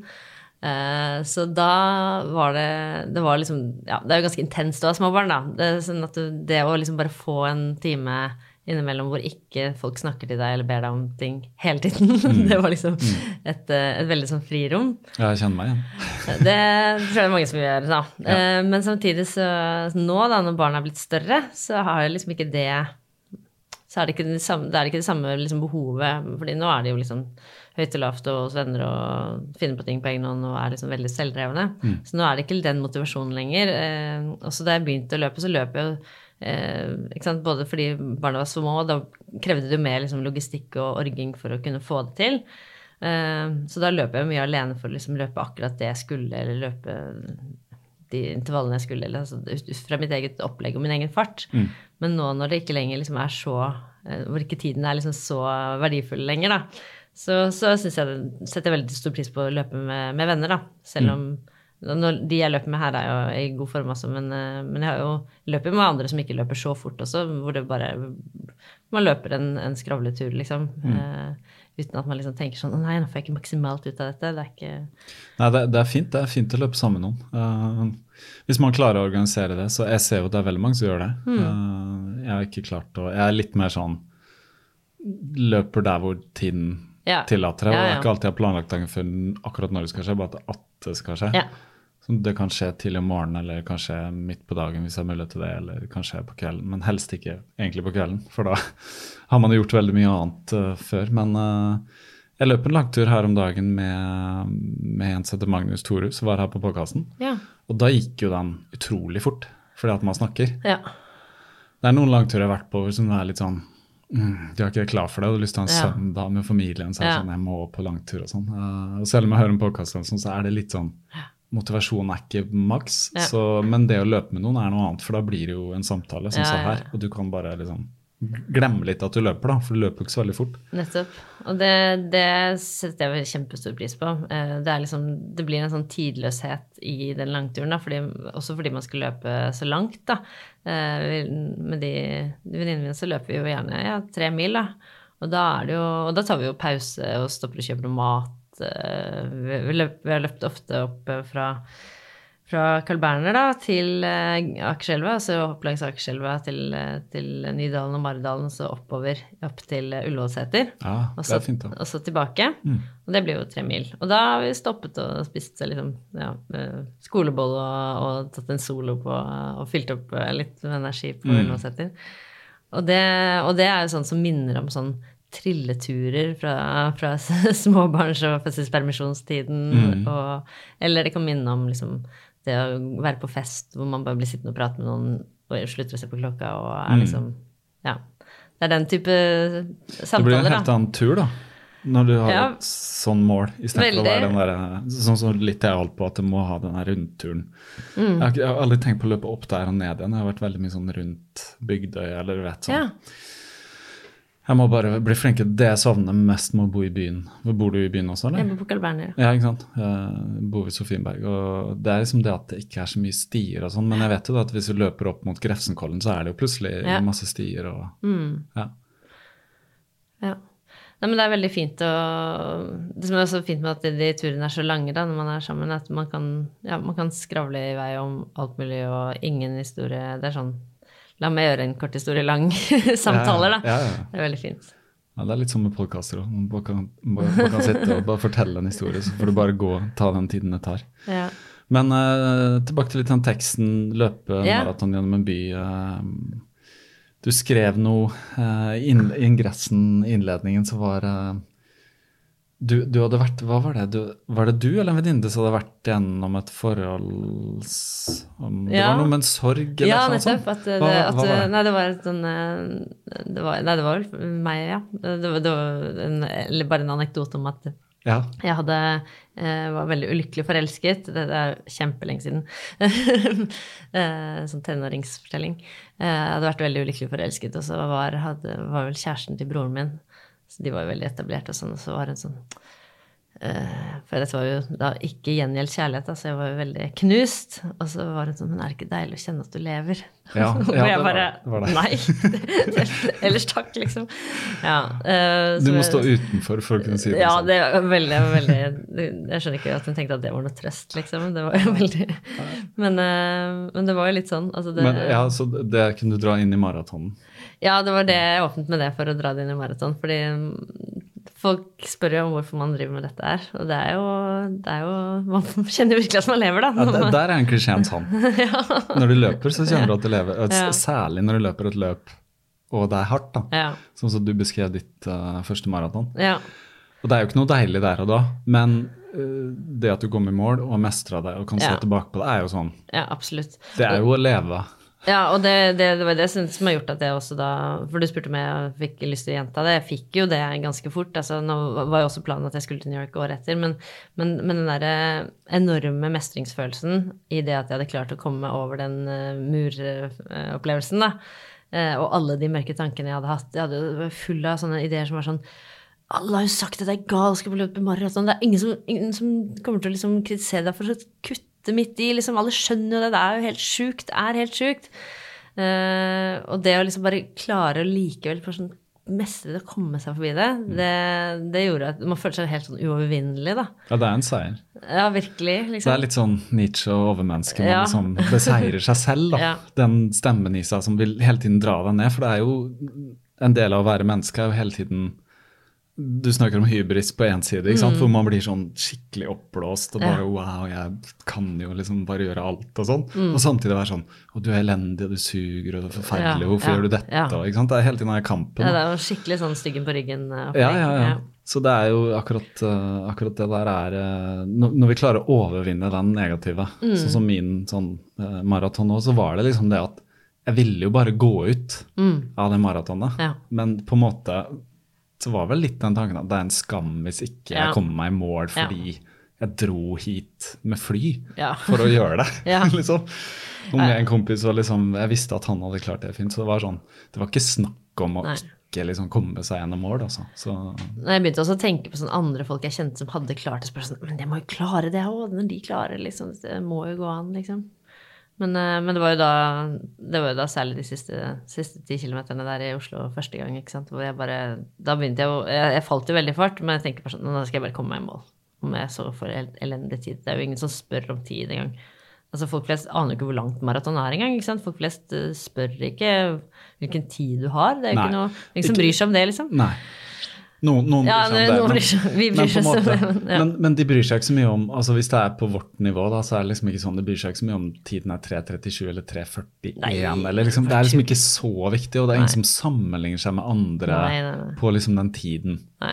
Det er mer den prestasjonen. Man vinner jo ikke sin klasse uansett, liksom. Man gjør ikke det. Men så er det ofte det at øh, som flere som har vært her, ett maraton blir til flere. Ja. Og Det gjelder jo deg, og du har jo løpt flere. Mm. For da ble det New York. Var det en bra opplevelse? Ja, New York var jo helt fantastisk. Det var det, altså. Virkelig. Det var jo så Det var jo en sånn folkefest, da. Det var jo eh, Det skriver du litt om i den teksten. da. Ja, Så hvis man vil Jeg kan legge link til den nå. Ja. Eh, Du må ha Dagbladet Pluss, men det, ja, det ligger på det, det får du til en krone ja. for en måned. Ja, ikke sant? Det er bra, bra reklame. Nei, det, ja, det var det De sier vel at det er en million som står og heier, ikke sant? Det er helt, helt enormt. Uh, og du føler jo at det liksom hele byen er bare sånn Ja, vi, i dag er det deres dag, liksom. Uh, en venninne av meg som bor i New York, uh, eller bodde i New York på det tidspunktet, da, hun var sånn jeg var sånn, Det er så gøy, for alle bare heier, og alle er så glad for at vi skal løpe maraton. Hun bare Folk er ikke det. Folk er dritsure fordi veiene er stengt. Jeg bare, ja, det virker ikke sånn. Ja, det, det, det er ikke de som står og heier, som er sur. Nei, det er det ikke. Men det sånn, folk flest syns det er litt, sånn, litt irriterende at man ikke kommer fram sånn alltid er med et løp. Men eh, Men jeg syns det er Men- helt greit en gang i året, Ja, som så ja, er i. Oslo. Man tåler det. Det må være lov, liksom. Ja, altså, det er litt sånn ja. Jeg er litt sånn tilhenger da, av eh, mindre trafikk i byen, og særlig fordi jeg løper og jeg sykler og sånn. Ja. Jeg kjører ikke mye bil, jeg eier ikke bil eller noe. Så jeg syns det er greit at en gang i året så kan vi stenge. Og det er alltid litt sånn, jeg kjenner på kriblinga i magen når jeg ser at de setter opp de Ja. og sånn. Ja, ja, ja. Uh, for jeg har løpt halvmaraton har hvert år blitt sånn fast greie Ja. siden 2015. Og det er så fint når du ser liksom at de setter opp de skilta, og du vet at nå, nå skal det skje. Og da kjenner du litt på den kriblinga hans. ja. Så ja. Nei, men, eh, men New York er jo eh, altså Man løper jo gjennom veldig veldig mange forskjellige bydeler. Man krysser masse broer. Eh, og det, det at man krysser alle disse broene, gjør jo at det er eh, det, New York er jo ikke et sted man perser i, for det er jo såpass mye opp og ned, da. Eh, men samtidig så er det jo så utrolig mye folk. Det var vel 50 000 med, med det løp.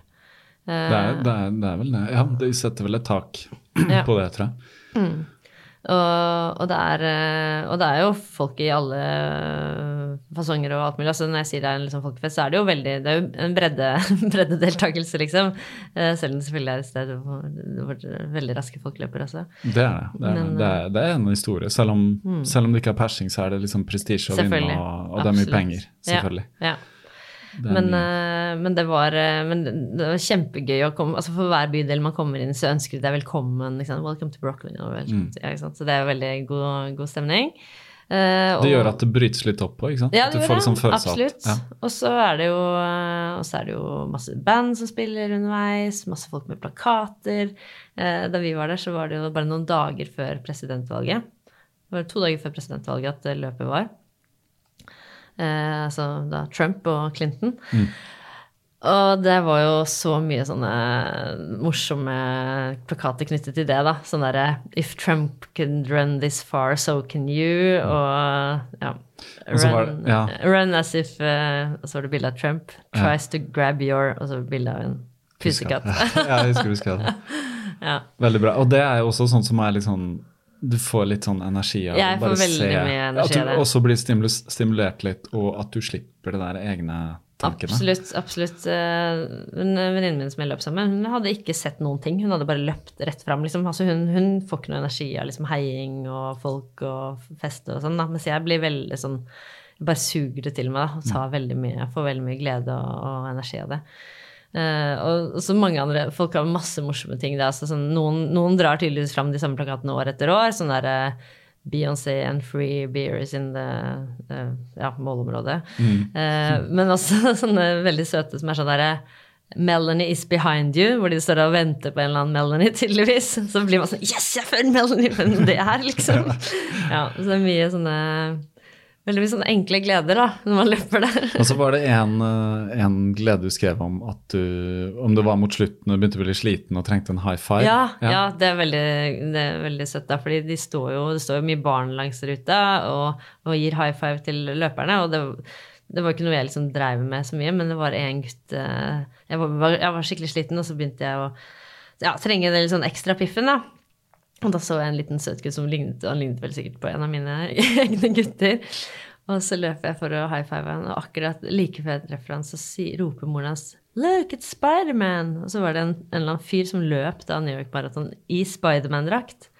Og og så tenkte jeg nei, nå ser han ikke meg lenger, for nå ser han bare Spiderman. Og han kastet et sånn kjapt blikk på Spiderman. Og så så han meg, og så fikk jeg en high five. Og da ble jeg så utrolig rørt. Fordi jeg var liksom Her kommer Spiderman, men han gir meg en high five, liksom. Og da var jeg, jeg var så ekstremt sliten, da. Ja. Så da bare, da bare veltet tårene opp i meg. Jeg har liksom rørt at jeg blir rørt her. Ja, ja. Jeg sitter nå. Ja, du Jeg- gjenopplever den følelsen. ja, jeg er veldig lettrørt, da. Men, uh, men da var jeg sånn der jeg, jeg var sånn, Nei, nå må jeg ikke begynne å gråte, for det har jeg ikke pust til, liksom. Men jeg, det var virkelig, virkelig sterkt, da. Som Det er kanskje Jeg tenker på også Det er bare fri assosiasjon her. Altså, Mm. men en av grunnene til at vi løper, eh, det er liksom en av mine utforsker med podkasten, hvorfor vi løper og sånn, er jo også bare for å føle litt, da. Ja. Altså, jeg skal ikke si at vi ikke føler ting ellers, men det er liksom ting Altså, Når vi bor i et land som Norge og tross alt arbeidsforholdet er veldig ordentlig, og vi har liksom mat hver dag, og vi er huslige og sånn, så er det liksom, vi trenger ikke å føle på så innmari mye ting. Mm.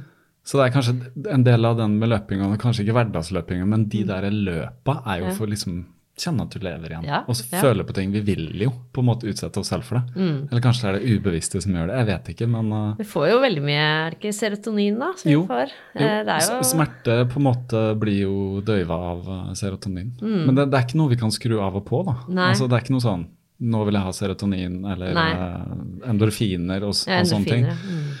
Uh, så du må liksom inn i smerten før du kan Ja. få den der, da. Og det er, det er på en måte en rus, det òg, da. Ja. Uh, en slags runners high, man, Ja. selv om man ikke føler seg så høy. altså Det kan være flere av det, men uh, ja. Nei, jeg får, eh, jeg får veldig mye glede av, av trening, altså. altså det, det, det er jo sånn det kan jo høres irriterende ut hvis man ikke driver og trener noe som helst, da, men, for da er jo trening kanskje bare forbundet med liksom slit og mas.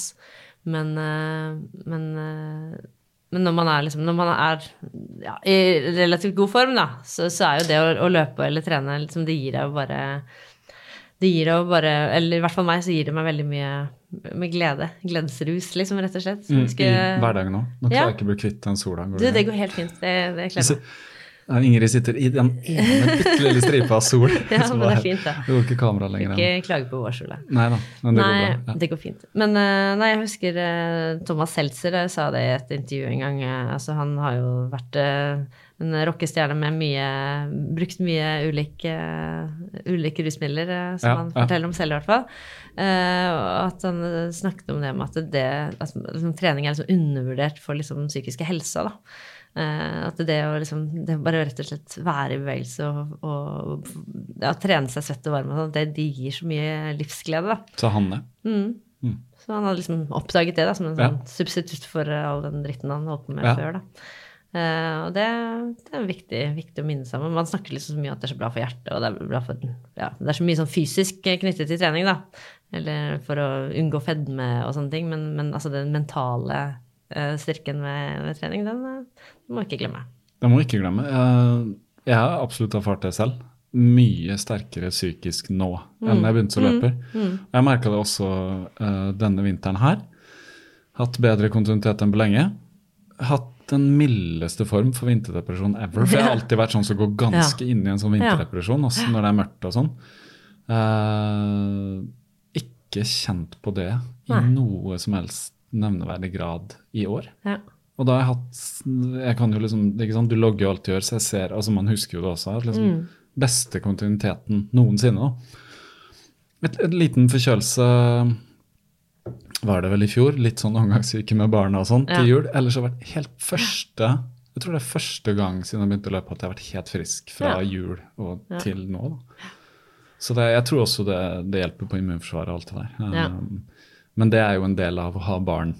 Ja. måte, jeg, jeg tror man blir litt bedre hele tiden når man har fått utsatt immunforsvaret sitt for så mye barnehage. Ja, ja, ja. Nå er min, min, eh, min yngste er jo siste år i barnehage, og du har jo hatt tre i barnehage, så du vet jo hvor mye man må igjennom. ja. Men du har på en måte, du har klart å løpe gjennom alle disse altså, ja. Kontinuiteten blir jo litt brutt av forkjølelser og alt mulig, så Ja, men når det gjelder vinter, sånn, så har jeg også en annen ting som jeg har oppdaget liksom de siste årene. eh, Det er å gå på ski. Mm -hmm. Jeg har jo gått mye sånn på ski som barn og sånn. Jeg har aldri, aldri drevet med det som idrett, da. Men, eh, men det å gå litt mer på ski på egen hånd, da, det begynte jeg også med for liksom ja, fire-fem år siden. Uh, det har gjort uh, mitt forhold til vinteren bare sånn totalt uh, forandret, da. For da har det jo blitt at jeg har blitt utrolig glad når snøen er kommet, og trist når den har gått. Og, Ja. Og, mm, så jeg har gått, gått veldig mye på ski og fått sånne helt sånn der, Nærmest sånn lykkerus da, av de der skiturene. Av utforbakkene og gå langt innover i marka og sånn. for du har tatt, bare tatt banen opp og, og Jeg har tatt eh, både, både bussen eh, opp til Tonsenhagen, Mm. og da er man inne i Lillemarka på et kvarter fra der jeg bor, og også da opp til Sognsvann og ta toget ut til Stryken, og da er man jo plutselig i Oppland, og så kan Mm. man gå seg gjennom Akershus og ende i Oslo eh, på, på en dag, liksom. Og det er sånne kjempefine naturopplevelser, og, og også liksom, ja, apropos liksom mental helse, så det blir virkelig Er barna med og sånn nå, eller? Ja, litt, men de er ikke sånn superentusiastiske, så Nei. Nei, det har jeg altså- heller ikke liksom fått med de Nei, var... Jeg har heller ikke vært på ski på en stund. Jeg var i fjor eh, med datteren min, og Ja. da, da bare lånte vi noen uh, langrennsski. Det var veldig gøy, da. Mm. Men det er jo det, egentlig, det er jo ikke så langt. Uh, jeg tenker alltid det, ah, mye mer prosjekt liksom, enn å ta på seg løpeskoa. Mm. Ja. Men det er jo ikke så mye tid. Er Nei skia liksom Men har du, har du fått det der med ski og preparering og alt det der? ja. For det er jeg har blitt sånn satt meg litt inn i det. Altså, jeg er Ja, ikke man. ekspert, da. Nei, men nei, jeg har gjort det litt, da. fordi i fjor så skulle jeg gå Jeg gikk i Birkebeinerløp i fjor eh, for første gang, da.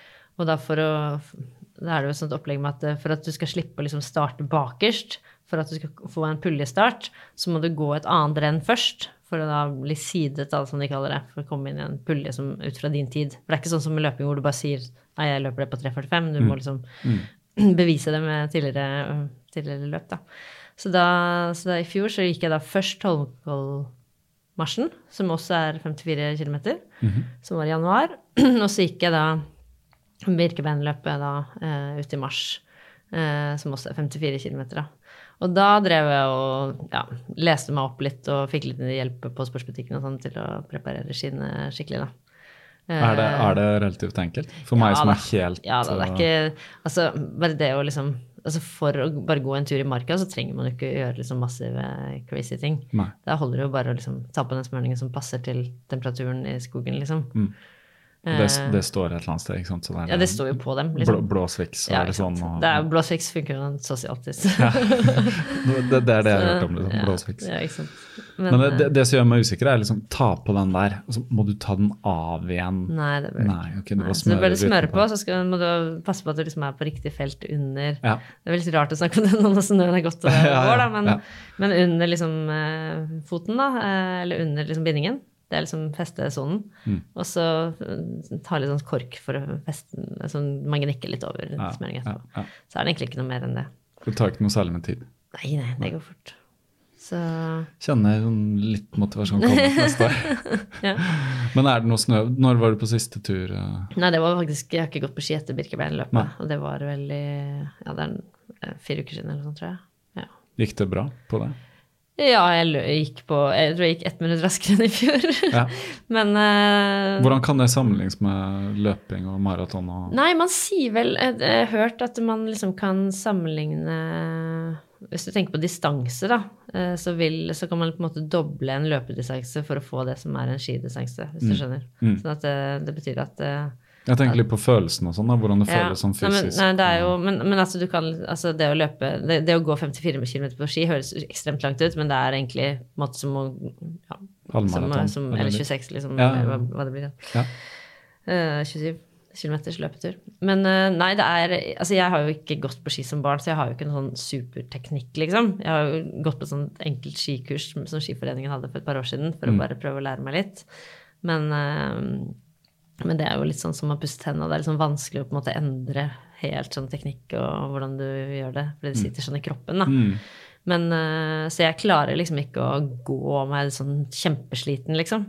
Så jeg har ikke noe, jeg har ikke så veldig høy fart, da. Nei. Eh, Sånn at f.eks. for eksempel hun ene venninnen min som jeg har løpt maraton med, som eh, jeg har slått maraton med sånn ti minutter og kvarter, tror jeg. Nei, kanskje jeg overdriver litt, men i hvert fall løpt litt raskere enn henne, da. Hun eh, gikk jo Birkebeinerløpet liksom en time raskere enn meg, fordi hun er jo helt rå på teknikk og sånn. Ja.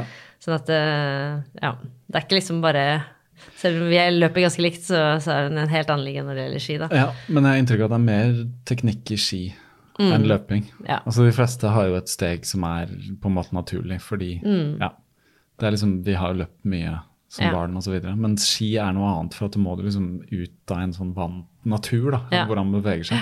Jeg kan heller ikke noe om å gå på ski, men jeg kan liksom skøyte Ja, på et eller annet vis, da. Ja. Men uh, noe mer enn det vet jeg ikke. Liksom. nei, men det er jo liksom eh, Det er jo fint å Altså, det er jo også bare en fantastisk tur å ta, liksom, så det er jo ikke så veldig farlig, farlig det. Så jeg har nå gått så, så bra jeg kunne. Men, men, eh, men selv om jeg sier at det er litt med smørning og sånn på sånne vanlige, enkle markaturer, så er det jo, føles det liksom litt viktigere når man er i et løp, da. Så da jeg gikk i fjor, så fikk jeg jo preparert skiene mine. Jeg brukte vel en sånn 400 kroner på det hos en eller annen profftype Ja, ja. på- oppe på, på Rena. Ja, ok, ok. Men det gjorde jeg ikke nå, da, for nå var jeg sånn nei, jeg har masse greier selv, jeg kan jo bare gjøre det selv. Ja. Og det var dritirriterende når jeg var ute i løpet, altså. Fordi i nedoverbakkene så suste jo folk fra meg, fordi folk hadde så mye bedre glid enn meg. Mm. Og da var det jo, da har de jo preppa skiene sine skikkelig da, hos en proff en, ikke sant. Mm. Det er da du ser det, ikke sant? Og det var irriterende, altså. Ja. Da var det sånn der, ikke sant, folk som bare suser forbi nedoverbakkene, så tar man kanskje dem igjen bortover og oppover, og så bare, men likevel når de kommer til nedoverbakken, så forsvinner de, Mm. og det er sånn ah, Ja. Så det var irriterende. Ja. Så jeg bruker, bruker nok de hundrelappene neste gang, tenker jeg. ja, jeg vil tro det er verdt det, altså. Ja, for, Mest fordi det er sånn så frustrerende, da. Ja. Ja, For det er jo det er utfor du på en måte kan Hvis det handler om tid og sånn. så ja både utfor, men også det er jo ganske mange sånne lange flater hvor du staker, ikke sant. Og hvis du da ikke glir ordentlig bra fram altså, altså, Det lugga ikke, det var ikke kjempedårlig, men det var ikke den du, ja, det var ikke den perfekte glien som de andre tydeligvis hadde. Da. Nei. Nei, dette kjenner jeg jo så vidt fra Så fulgte litt med på sånn langrenn. Verdenscup eller. VM eller sånn. Snakker de ofte om den smøringa. Hvis de har smurt gærent, så er jo de der Nei, i dag var skia Ikke sant. Det, bare, det kan du bruke som en forklaring. I dag var det dårlig ski. Ja. Hadde du Men- bra ski, sier de. Jeg bare, bra ski? De skiene er jo det samme. det er sånn, Nei, det er litt annerledes med løping, for der er det er sjelden noe å skylde ja, på. ja da. Altså, Ja. Ingrid Kristian snakka om det, motvind kan du skylde på. sånn er det, liksom. Og, ja. Det er, ikke, det er ikke noen unnskyldninger i, i, i løping, men uh, i ski kan man si jeg hadde dårlig ski. Hvis du Ja. hadde en dårlig dag. Men jeg hadde min første sesong nå med, med piggsko, da. Så jeg har fått løpt litt i vinter også. Uh, selv om det føles, når jeg er så glad i å gå på ski, så føles det sånn helt sånn utrolig ulogisk å drive og løpe. For jeg burde, hvis jeg har tid, så burde jeg heller bare stikke og gå på ski, liksom. Ja. Er det et valgets kval noen ganger, eller? Ja, litt Ja. det. Men, uh, men jeg har løpt eh, litt likevel, altså. Men eh, det var jo helt fantastisk med de piggskoene. Det var jo virkelig en åpenbaring, altså. Hva, kjøpte du med pigg, eller fikk ja, du pigg? Ja, jeg kjøpte med pigg. Ja. Jeg fikk de i 40-årsgave. Det var jo ganske dyrt. Ja, det er veldig dyrt. Ja.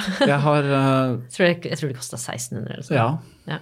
Men det er det på en måte verdt. Altså, de holder jo kjempelenge. Ja, det var det. Altså, altså, når det er sagt, jeg har jo heller ikke løpt så mange turer. Jeg løpte kanskje liksom jeg vet ikke, kanskje syv turer eller noe med dem. Mm. Uh, og det er jo det. ikke sant? Jeg kan jo, kommer sikkert til å ha dem i fem år eller ti år eller hva vet jeg. liksom. Ja. Nei, for når vi, er, vi bor nede her i Oslo hvor det bare er holka. ikke sant? Det, Ja, ja, ja. det ligger jo snø noen dager, og så Ja. blir det bare Ja. Jeg ennå ikke Jeg vil si at det er bare tull fra min side. Somling for at jeg har ikke skaffa meg pigg. Og Mm. I år så var jeg sånn Nei, nå må jeg bare gå for pigga et par sko. Ja. Og så ble det bare somling, og plutselig så er det Nå tenker jeg nå går det greit. Men hvordan har du løpt i vinter, da? Jeg løper mye på Bislett inne. Oh, ja. Så, men jeg har løpt ute også. Ja. Eh, jeg går ut og liksom Det er litt hasard noen ganger, men jeg gjør det. Men Ja jeg merker at det er litt sånn Det er ikke bra for beina for Nei, et steg. du blir litt stressa eller ja, steg, altså, ja, og du kan lett få skader. Jeg så det var en som skrev om New Runners World og sånn, at man passer på. Ja. Lettere å få skade på vinteren. Men har, det har vært en del inne på Bislett, i hvert fall de eh, hurtigøktene. Siden jeg har fulgt et program, så har det vært sånn intervallbasert ting. da. Så det jeg har vært inne på Bislett. Og så er det litt deilig å bare løpe i shortsen. Og, Ja, ja, ja. Nei, jeg har løpt det tidligere år, så har jeg jo løpt om vinteren med vanlige joggesko. Og det er jo sånn Oslo, eh, selv om det er mye is og sånn, så er det jo veldig bra grusa og sånn her, da. Det er det. Sånn at eh, Ja. det å løpe oppover langs Aksel, der er det jo, er det jo mye, mye grus, så man føler seg ikke så utrygg. Men jeg syns i vinter er det sånn ekstremt mye is. Veldig mye sånn derre Ja, da Både i år og i fjor, vil jeg si. Ja. I fjor lå det litt lenger. I fjor var veldig frustrerende uh, når jeg løp Mm. og skulle trene til maraton. Ja. For det var så, det var så mye. Men uh, i år er det gått fortere. På den tiden jeg fikk, Ja, ja, det fortsatt lå litt ja, det er sant. snø. Når det først ble borte, så forsvant det. Ja. Så du har kommet deg gjennom vinteren med Mm. Jeg bare ser hvor mye tid vi er eh, Vi sitter jo her på en lørdag, vet du, unger og alt venter på oss. Apropos, har du, eh, har du en mann som løper òg, eller er det bare du? Nei, han gjør ikke det. Nei. Nei da, så det var meg. Hvordan ser han på Det er samme som meg, da. Ja. Eh, Konen som ikke løper, men hun trener jo yoga, så hun liksom skjønner den delen. Ja. Men uh, hvordan ser han på løpingen? Nei, det har vel også forandret seg litt uh, ettersom barna har blitt eldre. Jeg tror han syntes det var liksom mer pes før, da. Fordi det var Det betydde jo at han måtte passe på barna, liksom. Eh, mens nå er det liksom nå er det, nå er det så greit, da, siden de er så store. Så Ja. nå, nå, nå syns han Han vet jo at det betyr mye for meg. Og, Ja. så, så det virker jo han, altså, han har jo aldri nektet meg å dra på en joggetur, liksom. Det er ikke det. Men, men jeg bare merker at det er litt sånn enklere. Ja. Det er ikke liksom himling med øynene og stønning hvis jeg skal på joggetur, Ja. liksom.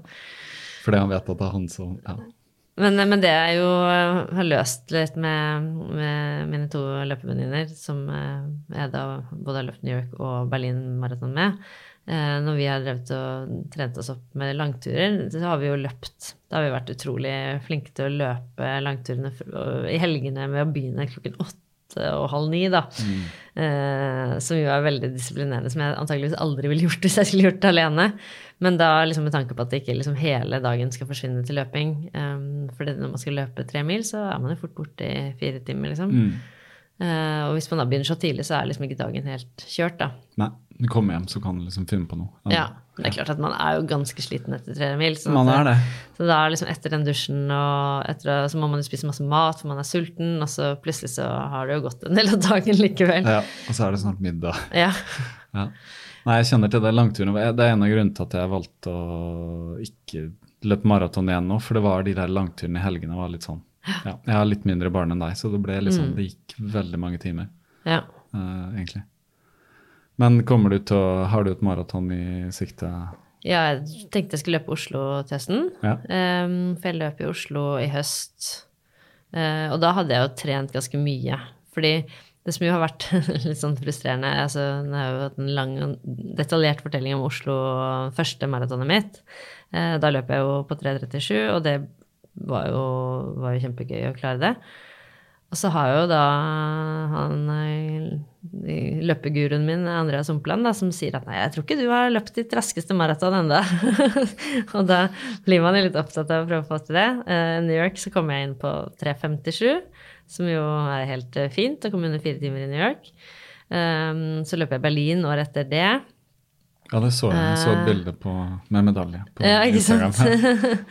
og da var det løpet da. Da hadde jeg også veldig ambisjoner selvfølgelig om, om å perse. Særlig fordi Berlin er jo flatt også. Mm. men, eh, men det klarte jeg ikke, da. Eh, og da hadde jeg rett og slett bare trent for lite. Eh, det var, eh, det var, da jobbet jeg i SV, og det var valgkamp, og det, var liksom, det var liksom Tiden gikk ikke mm, bra nok, liksom. Nei. Så nå husker jeg ikke engang hva jeg løp, jeg tror kanskje det var 3.51 eller et eller annet sånt. Og så, da jeg da skulle løpe Oslo Maraton i høst, så da hadde jeg liksom lagt meg i selen og liksom ja, skjerpa meg litt og trent ordentlig og gjort det jeg skulle, da. Eh, og da ville jeg jo selvfølgelig komme inn på 3.37 eller 3.36,59, liksom. Mm. Uh, og det som jo du var inne på i stad, har skjedd siden den gang, var jo at de lagt om løypa, da. Det har de. Den nye løypa er jo helt grusom. Den er tøff på slutten. Den er tøff, altså. Med er. Sankthanshaugen der. Ja. At man rett og slett skal løpe opp og rundt Sankthanshaugen, det er jo bare helt døden. Det er jo så pes. Jeg skal det- snakke med han, eh, han Tim Bennett, jeg tror det er han som har løype. Ja. Han, han kommer, da. Han så jeg skal skal spørre han en del om løypa. Ja, nettopp. Få legge noen ord for å endre det. Ja, ja, jeg Nei, for det er jo ganske brutalt. Altså. Det er ganske tungt å løpe oppover mot Sankthanshaugen der. Det Det er kjempetungt.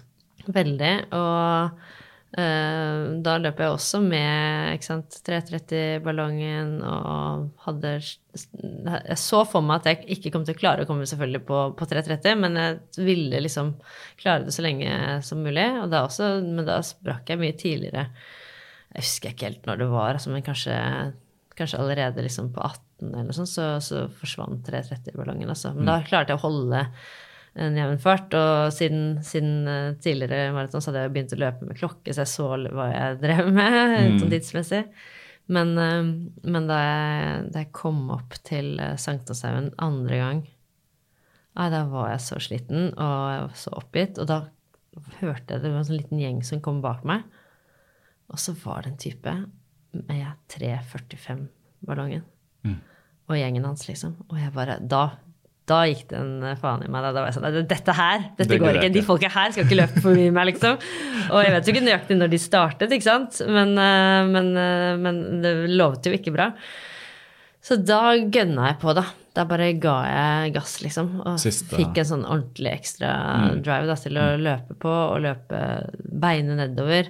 Løpe skikkelig fort nedover fra Sankthanshaugen og bare ja, komme meg liksom ned mot målet. Da husker jeg at jeg liksom det Åh, det, så, liksom, det var så mye som var nytt med liksom nede i sentrum der ved Stortinget. Hvordan var det nå? Og så videre. Jeg var skikkelig irritert.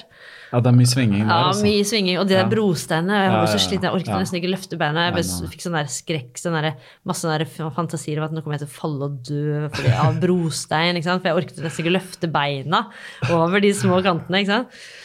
Og da, da jeg kom til liksom den siste bakken ned mot Rådsplassen der, og da var jeg så sliten, men da var jeg sånn herre Ah, disse folka her, for da så jeg liksom i bakken ned der, så var det et par, tre-fire folk, da. En dame. Hun skulle jeg i hvert fall forbi, for hun, liksom, hun ødelegger jo for min plassering bare ved å eksistere. og så var det også et par-tre til, da, hvor jeg bare tok en skikkelig Northug og bare spurta sånn i målet. For da var jeg sånn der Dette her finner jeg meg ikke i, liksom. Og så kom jeg og løp jeg forbi alle de siste fire som en sånn dust. Men det er ganske utrolig. Jeg har vært så sliten, Ja. og så kom man til slutten, så kom man spurte i mål. Altså, Jeg vet ikke hvor fort det går, da. nei, nei, det kan du si. Det kan du i hvert som helst. Det føles veldig fort. Jeg tror det var kjempefort. Og da var jeg også sånn, da gråt jeg i mål, altså. Ja. Og da var man Både av frustrasjon og sinne Nei, og glede. lykke. og- ja, ja, Mest lykke, altså. ja.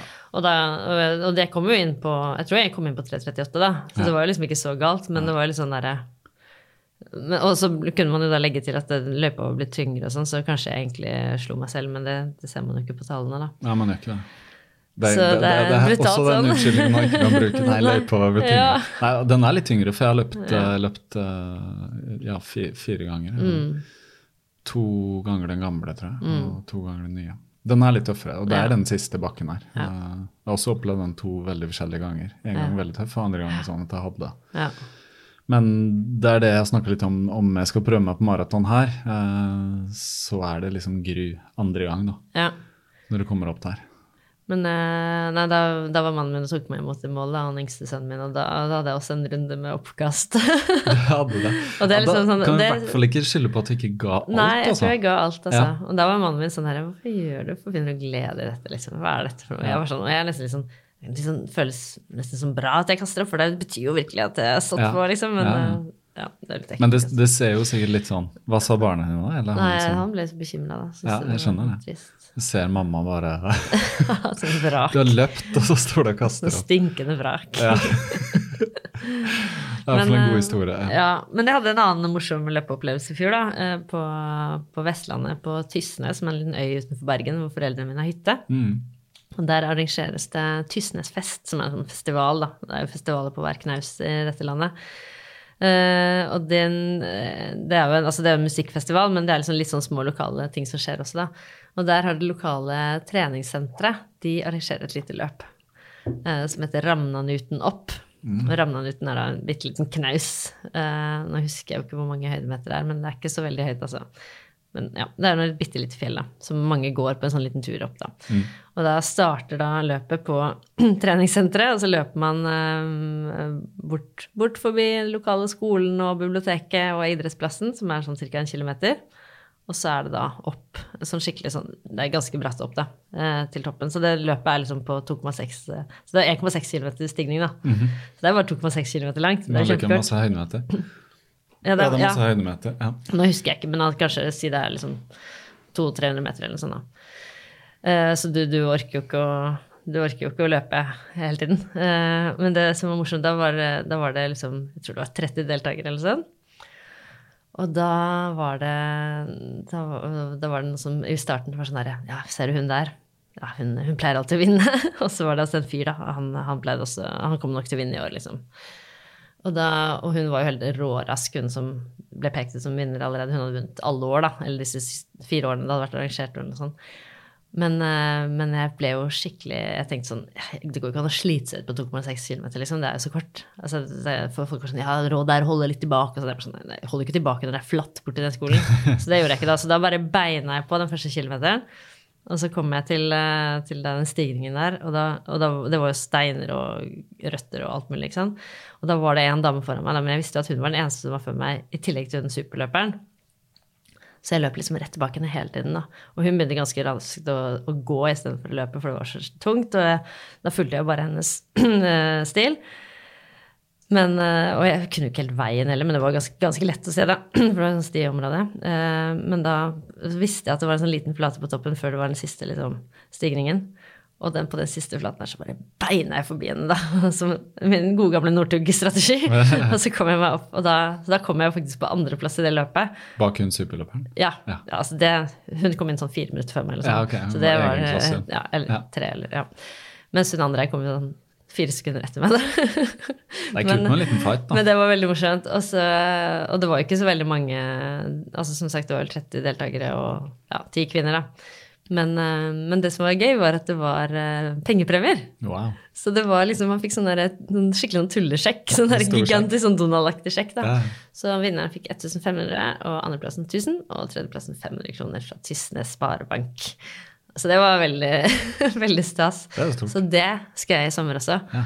Eh, Så fikk jeg høre etterpå at eh, det var en, et par andre For jeg hadde sjekket resultatlista fra året før da, for å prøve liksom skjønne litt hvor, hvor raskt dette skulle gå. og sånn.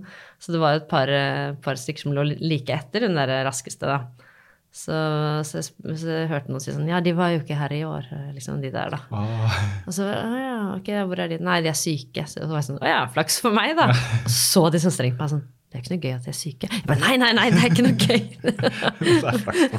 Det er jeg, så jeg frykter jo litt at de ikke er syke eller skadet eller hva de var til sommeren, da. Men eh, hvis ikke det er det, så skal jeg liksom prøve å få seg en tusenlapp uh, i år òg. Ja.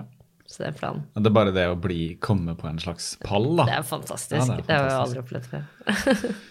kan fortelle Nicolas Jon som var her. Han uh, har løpt Jeg vet ikke om du har hørt på den podkasten? Nei, ikke. nei, han er en uh, holdt på å si ung fyr. Han er vel rundt 30. Han spiller gitar i, i et band som heter Hjerteslag i Ja, det Bergen. Ja. Og så er han en superløper. Mm. Virkelig sånn 2.34 maraton. Wow. Ja, han er helt Så han har løpt nå eh, en halvmaraton og en 10 km. Denne halvmaratonen vant han, da. Ja. Og så løp han et sånn nytt løp i Bergens Flyplassløpet. ja. Eh, hvor de har lagt en sånn rute på Flesland, helt sånn flat 10 km. Da vant han der òg, på liksom 31 og noe minutt. Wow. Ja, så jeg bare Jøss. altså, han var helt sånn overraska. Altså, Ja. Wow. Og da var det også sånne bilder, skjønner du, for jeg tenkte på det, at han står med sånn stor sjekk på 1000 kroner. Så, men det, jeg tror overskuddet gikk til Unicef der, så Mm. jeg tror han ga den sjekken. Så det er jo veldig hyggelig, Niklas, at du gir bort det. Han trenger jo kanskje ikke egentlig de pengene, men det er veldig gøy med de eh, uansett, da. Mm. Jeg vil også vinne en sånn sjekk. Hvor, Kjempegøy. Bare finne det minste løpet Ja, som fins, er det. liksom. Ja, ja. Så Ja, det var også Jannike Bråte som var her. Ja, hun, kjenner jeg, eh, for hun har jo løpt eh, Ja.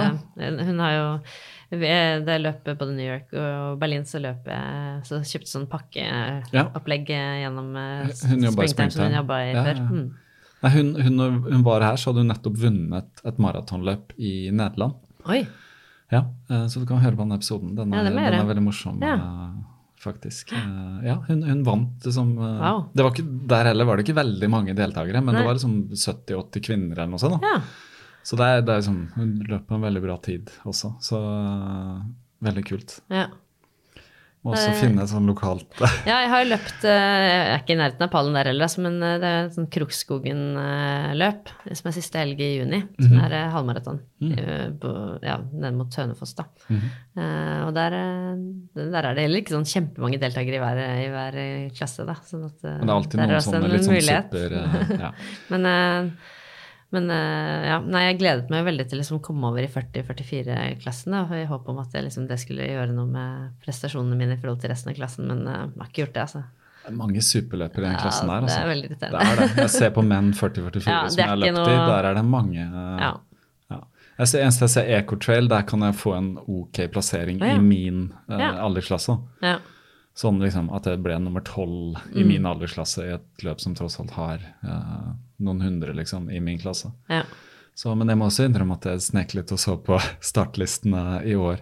For Ja. jeg har lyst til å løpe bedre i år, da. Det Ja. var gøy med en topp ti, da. ja. Men utenom det så er jeg ikke så opptatt av plasseringer, for å være helt ærlig. For jeg er rett og slett ikke en god nok løper. Nei. Nei, jeg, jeg har vel klart å komme på noe sånn topp ti på, på nøkkelvann rundt eh, når Ja. jeg løpte, da. Der er det ganske mange deltakere, så det har vært litt gøy. når er det Nei, det er sånn eh, Er det sånn i midten av oktober, kanskje? Mm. Sånn at det som er fordelen med det, da, det da De gangene jeg har gjort det veldig bra der, har det jo vært når jeg har løpt maraton eller halvmaraton eh, rett før. Ja, For det er jo bare noen uker før, så Så man liksom, man- det er jo kroppen liksom full av piff, den er det. Du får litt sånn form Ja. eh, topp Mm. rundt den tiden der. Mm. Nei, jeg meldte meg på faktisk nå uh, Hytteplanmila. Ja. Det er det siste som ja, hørt eh, Ja. Og det var litt fordi han Jo Nilseng som var på podkasten, var sånn Vi teksta etter at, eller vi maila etter at han var på podkasten om det, og så sa han ja, nå er hytteplanmila snart fulltegna. Meld deg på, gjør det, liksom. Mm. Ja. Så tenkte jeg ja, jeg gjør det. Ja, det så er nå så jeg at den var fulltegna. Det. Er Ja, jo helt eh, flatt jeg ikke- eller nedover, eller hva Ja, det ja, det er ganske flott. Jeg har ikke noe særlig tider på 10 km, for jeg har bare løpt sentrumsløp én gang. Ja. Så jeg har aldri deltatt på noe Jeg har løpt en 10 km alene på Bislett. Ja. Det er det raskeste jeg har løpt, liksom. Så ja. Min 10 km pers er vel på sånn 47, tror jeg. ja. Så jeg hadde jeg har, jeg har tenkt på å løpe den hytteplanmila, for det er gøy å, slå det. Nå er den fulltegna, så nå er det for Det sent. Det, Ja, for i år, ja. ja. Åh, ja. I fjor så drev de la ut noen nye billetter. ja nye vet du hva, du får helt sikkert Ja, eh, mulighet. Uh, får se. ja. Men kult. Jeg tror uh, vi, har, uh, vi har hatt en bra lang samtale. Vi har Ja. tiden flyr. Uh, ble litt politikk først og sånn. Så, men er det noe du sitter, brenner ikke inne med noe nå? Nei, altså jeg tenker at de som hører på denne podkasten, de, de er vel sånn allerede ganske interessert i løping. Men uh, får jeg prøve å tenke på hva som, hva som er så bra med løping. Da. Nå har vi snakket litt om mental helse og sånn, som jo er kjempeviktig. Men, Mm. Og du var inne på det med, med den spontaniteten eh, man kan ha, da. eh, Og at det er liksom så lenge man, ok, man må komme seg over dørstokken, men utenom det så er det liksom ikke noe hindre. At det er jo en veldig sånn eh, Det er jo en veldig demokratisk treningsform, da. Det er liksom, det er åpent for alle. Det er liksom det er bare, Man bør jo ha ålreite sko, det er klart at det er jo en investering, liksom, men om det så er det jo det er jo noe man kan, alle kan drive med, da. Det er det. Uh, og så Jeg skulle særlig, ønske at denne podkasten kan få flere til å løpe. Da. Så Mm. Jeg må prøve å tenke litt på prøve å få noen hit som kanskje ikke er typiske løpere. Som har noen venner som hører på, som kanskje Nei, Det er litt sånn jeg tenker noen ganger. Eh, bare nevne det nå fordi eh, jeg har vært alene med ungene hele uka. Ja. Og da har jeg vært sånn åh, hvordan skal jeg få til løpingen? For jeg, har hatt, jeg har klart å holde fem-seks ganger i uka. Jeg har vært ute og løpt i nå siden januar. Og så hadde jeg en løpeøkt som skulle være en tempo. eh, og så tenkte jeg hvordan skal jeg få inn den? Da kan jeg løpe sånn og sånn, og så kommer jeg tilbake, og så bare driter jeg i å dusje, tar på meg klær og henter i barnehagen. Så får jeg bare dusje etterpå. Ja. Men mens jeg løp, så skjønte jeg at jeg kom ikke til å nå hjem før barnehagen. Nei. Så løper jeg rett til barnehagen. Ja, så jeg løper rett til barnehagen. Ja. Og det går jo fint, det. Det var sånn, det var i shorts, men med jakke, og jeg visste at det, det går fint, liksom. Uh, og da møtte jeg på en annen far, da. Ja. Som var sånn, Han bare øh, treffer på han hele tiden, ikke sant? Mm. men han bare så på meg veldig rart fordi at jeg plutselig kom i joggesko og shorts. ikke sant? Og så litt sånn så Han så veldig rart på meg, bare målte meg litt sånn opp og ned. hva han driver med? Og det var liksom bare så tydelig på det blikket at han løping for han var helt fjernt. Og så gikk vi da samtidig, for vi skulle samme vei. Så han har vært ute og løpt? Og så ja, jeg har jo det, liksom. Ja. For jeg måtte det, for at jeg nådde ikke Jeg, jeg når det ikke etterpå fordi at jeg er alene med barna. Så sier han ja, men du må løpe, liksom. Ja.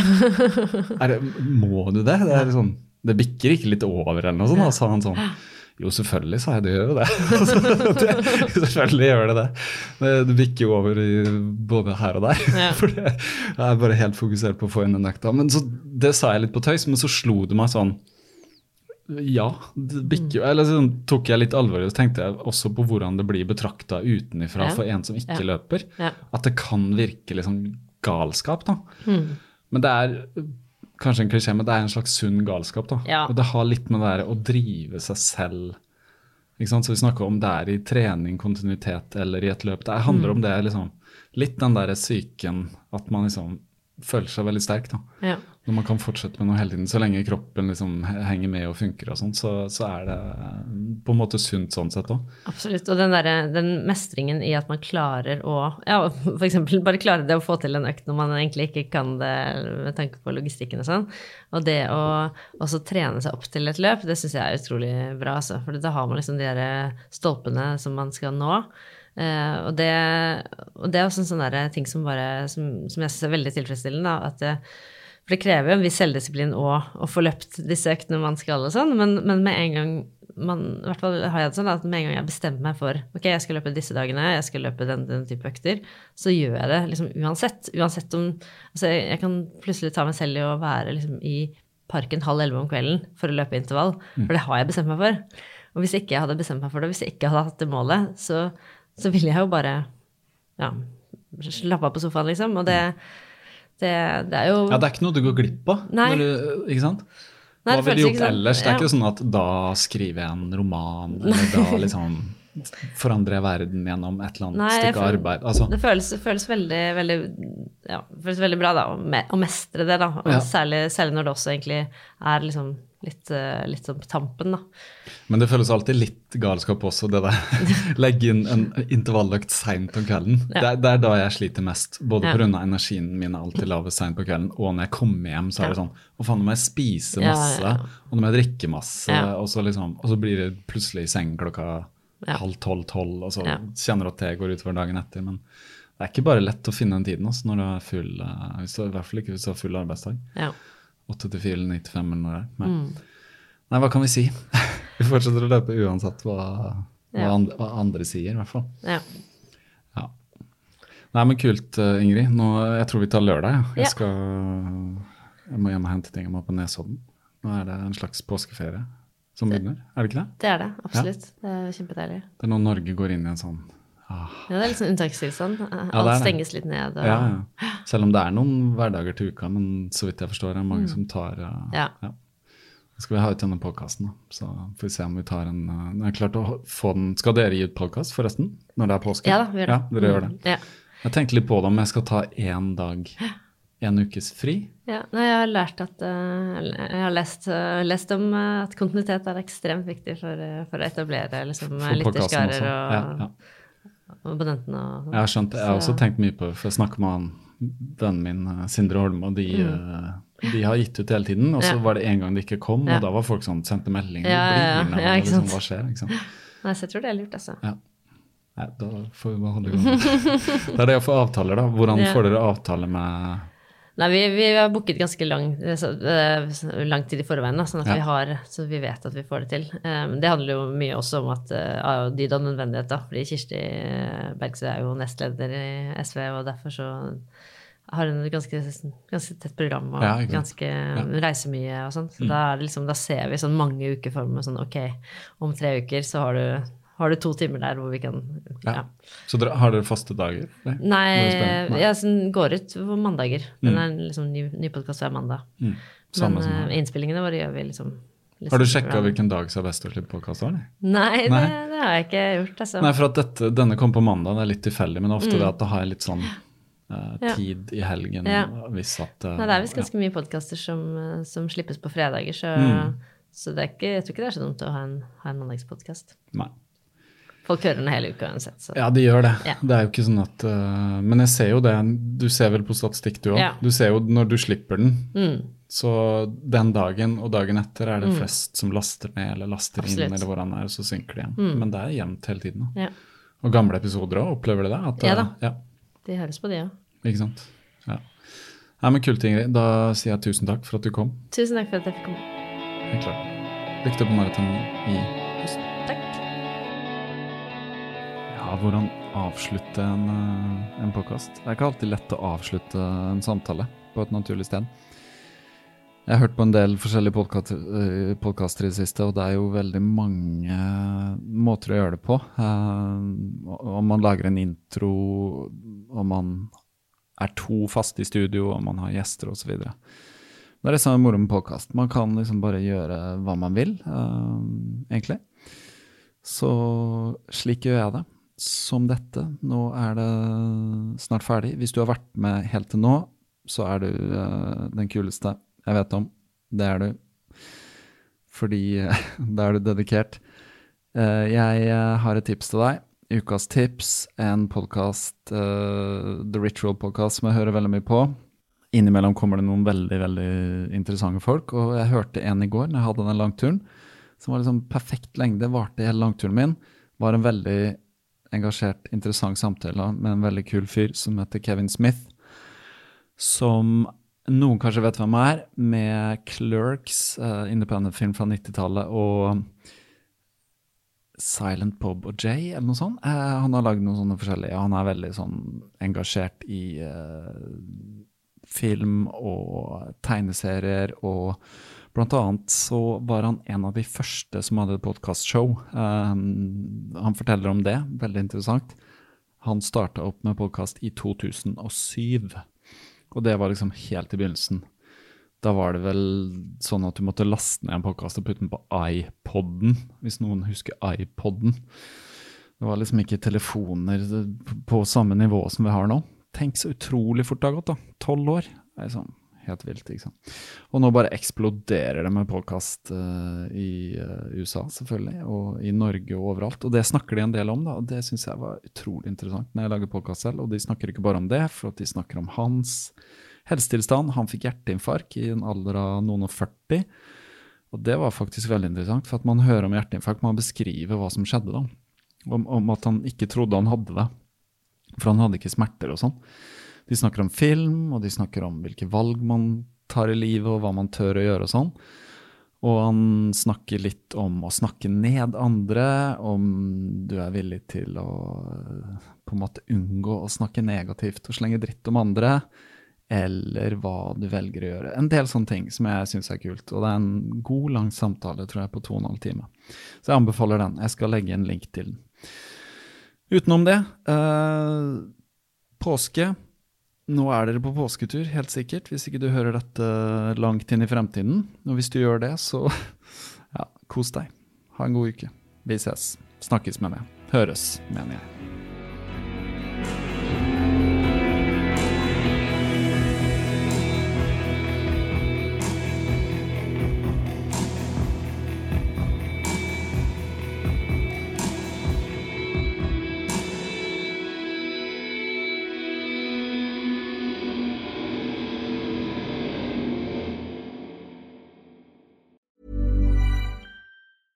Ever catch yourself eating the same flavorless dinner three days in a row? Dreaming of something better? Well, HelloFresh is your guilt-free dream come true, baby. It's me, Kiki Palmer. Let's wake up those taste buds with hot, juicy pecan-crusted chicken or garlic butter shrimp scampi. Mm. Hello Fresh. Stop dreaming of all the delicious possibilities and dig in at HelloFresh.com. Let's get this dinner party started. Planning for your next trip? Elevate your travel style with Quince. Quince has all the jet setting essentials you'll want for your next getaway, like European linen, premium luggage options, buttery soft Italian leather bags, and so much more. And is all priced at 50 to 80% less than similar brands. Plus, Quince only works with factories that use safe and ethical manufacturing practices. Pack your bags with high-quality essentials you'll be wearing for vacations to come with Quince. Go to quince.com slash pack for free shipping and 365-day returns.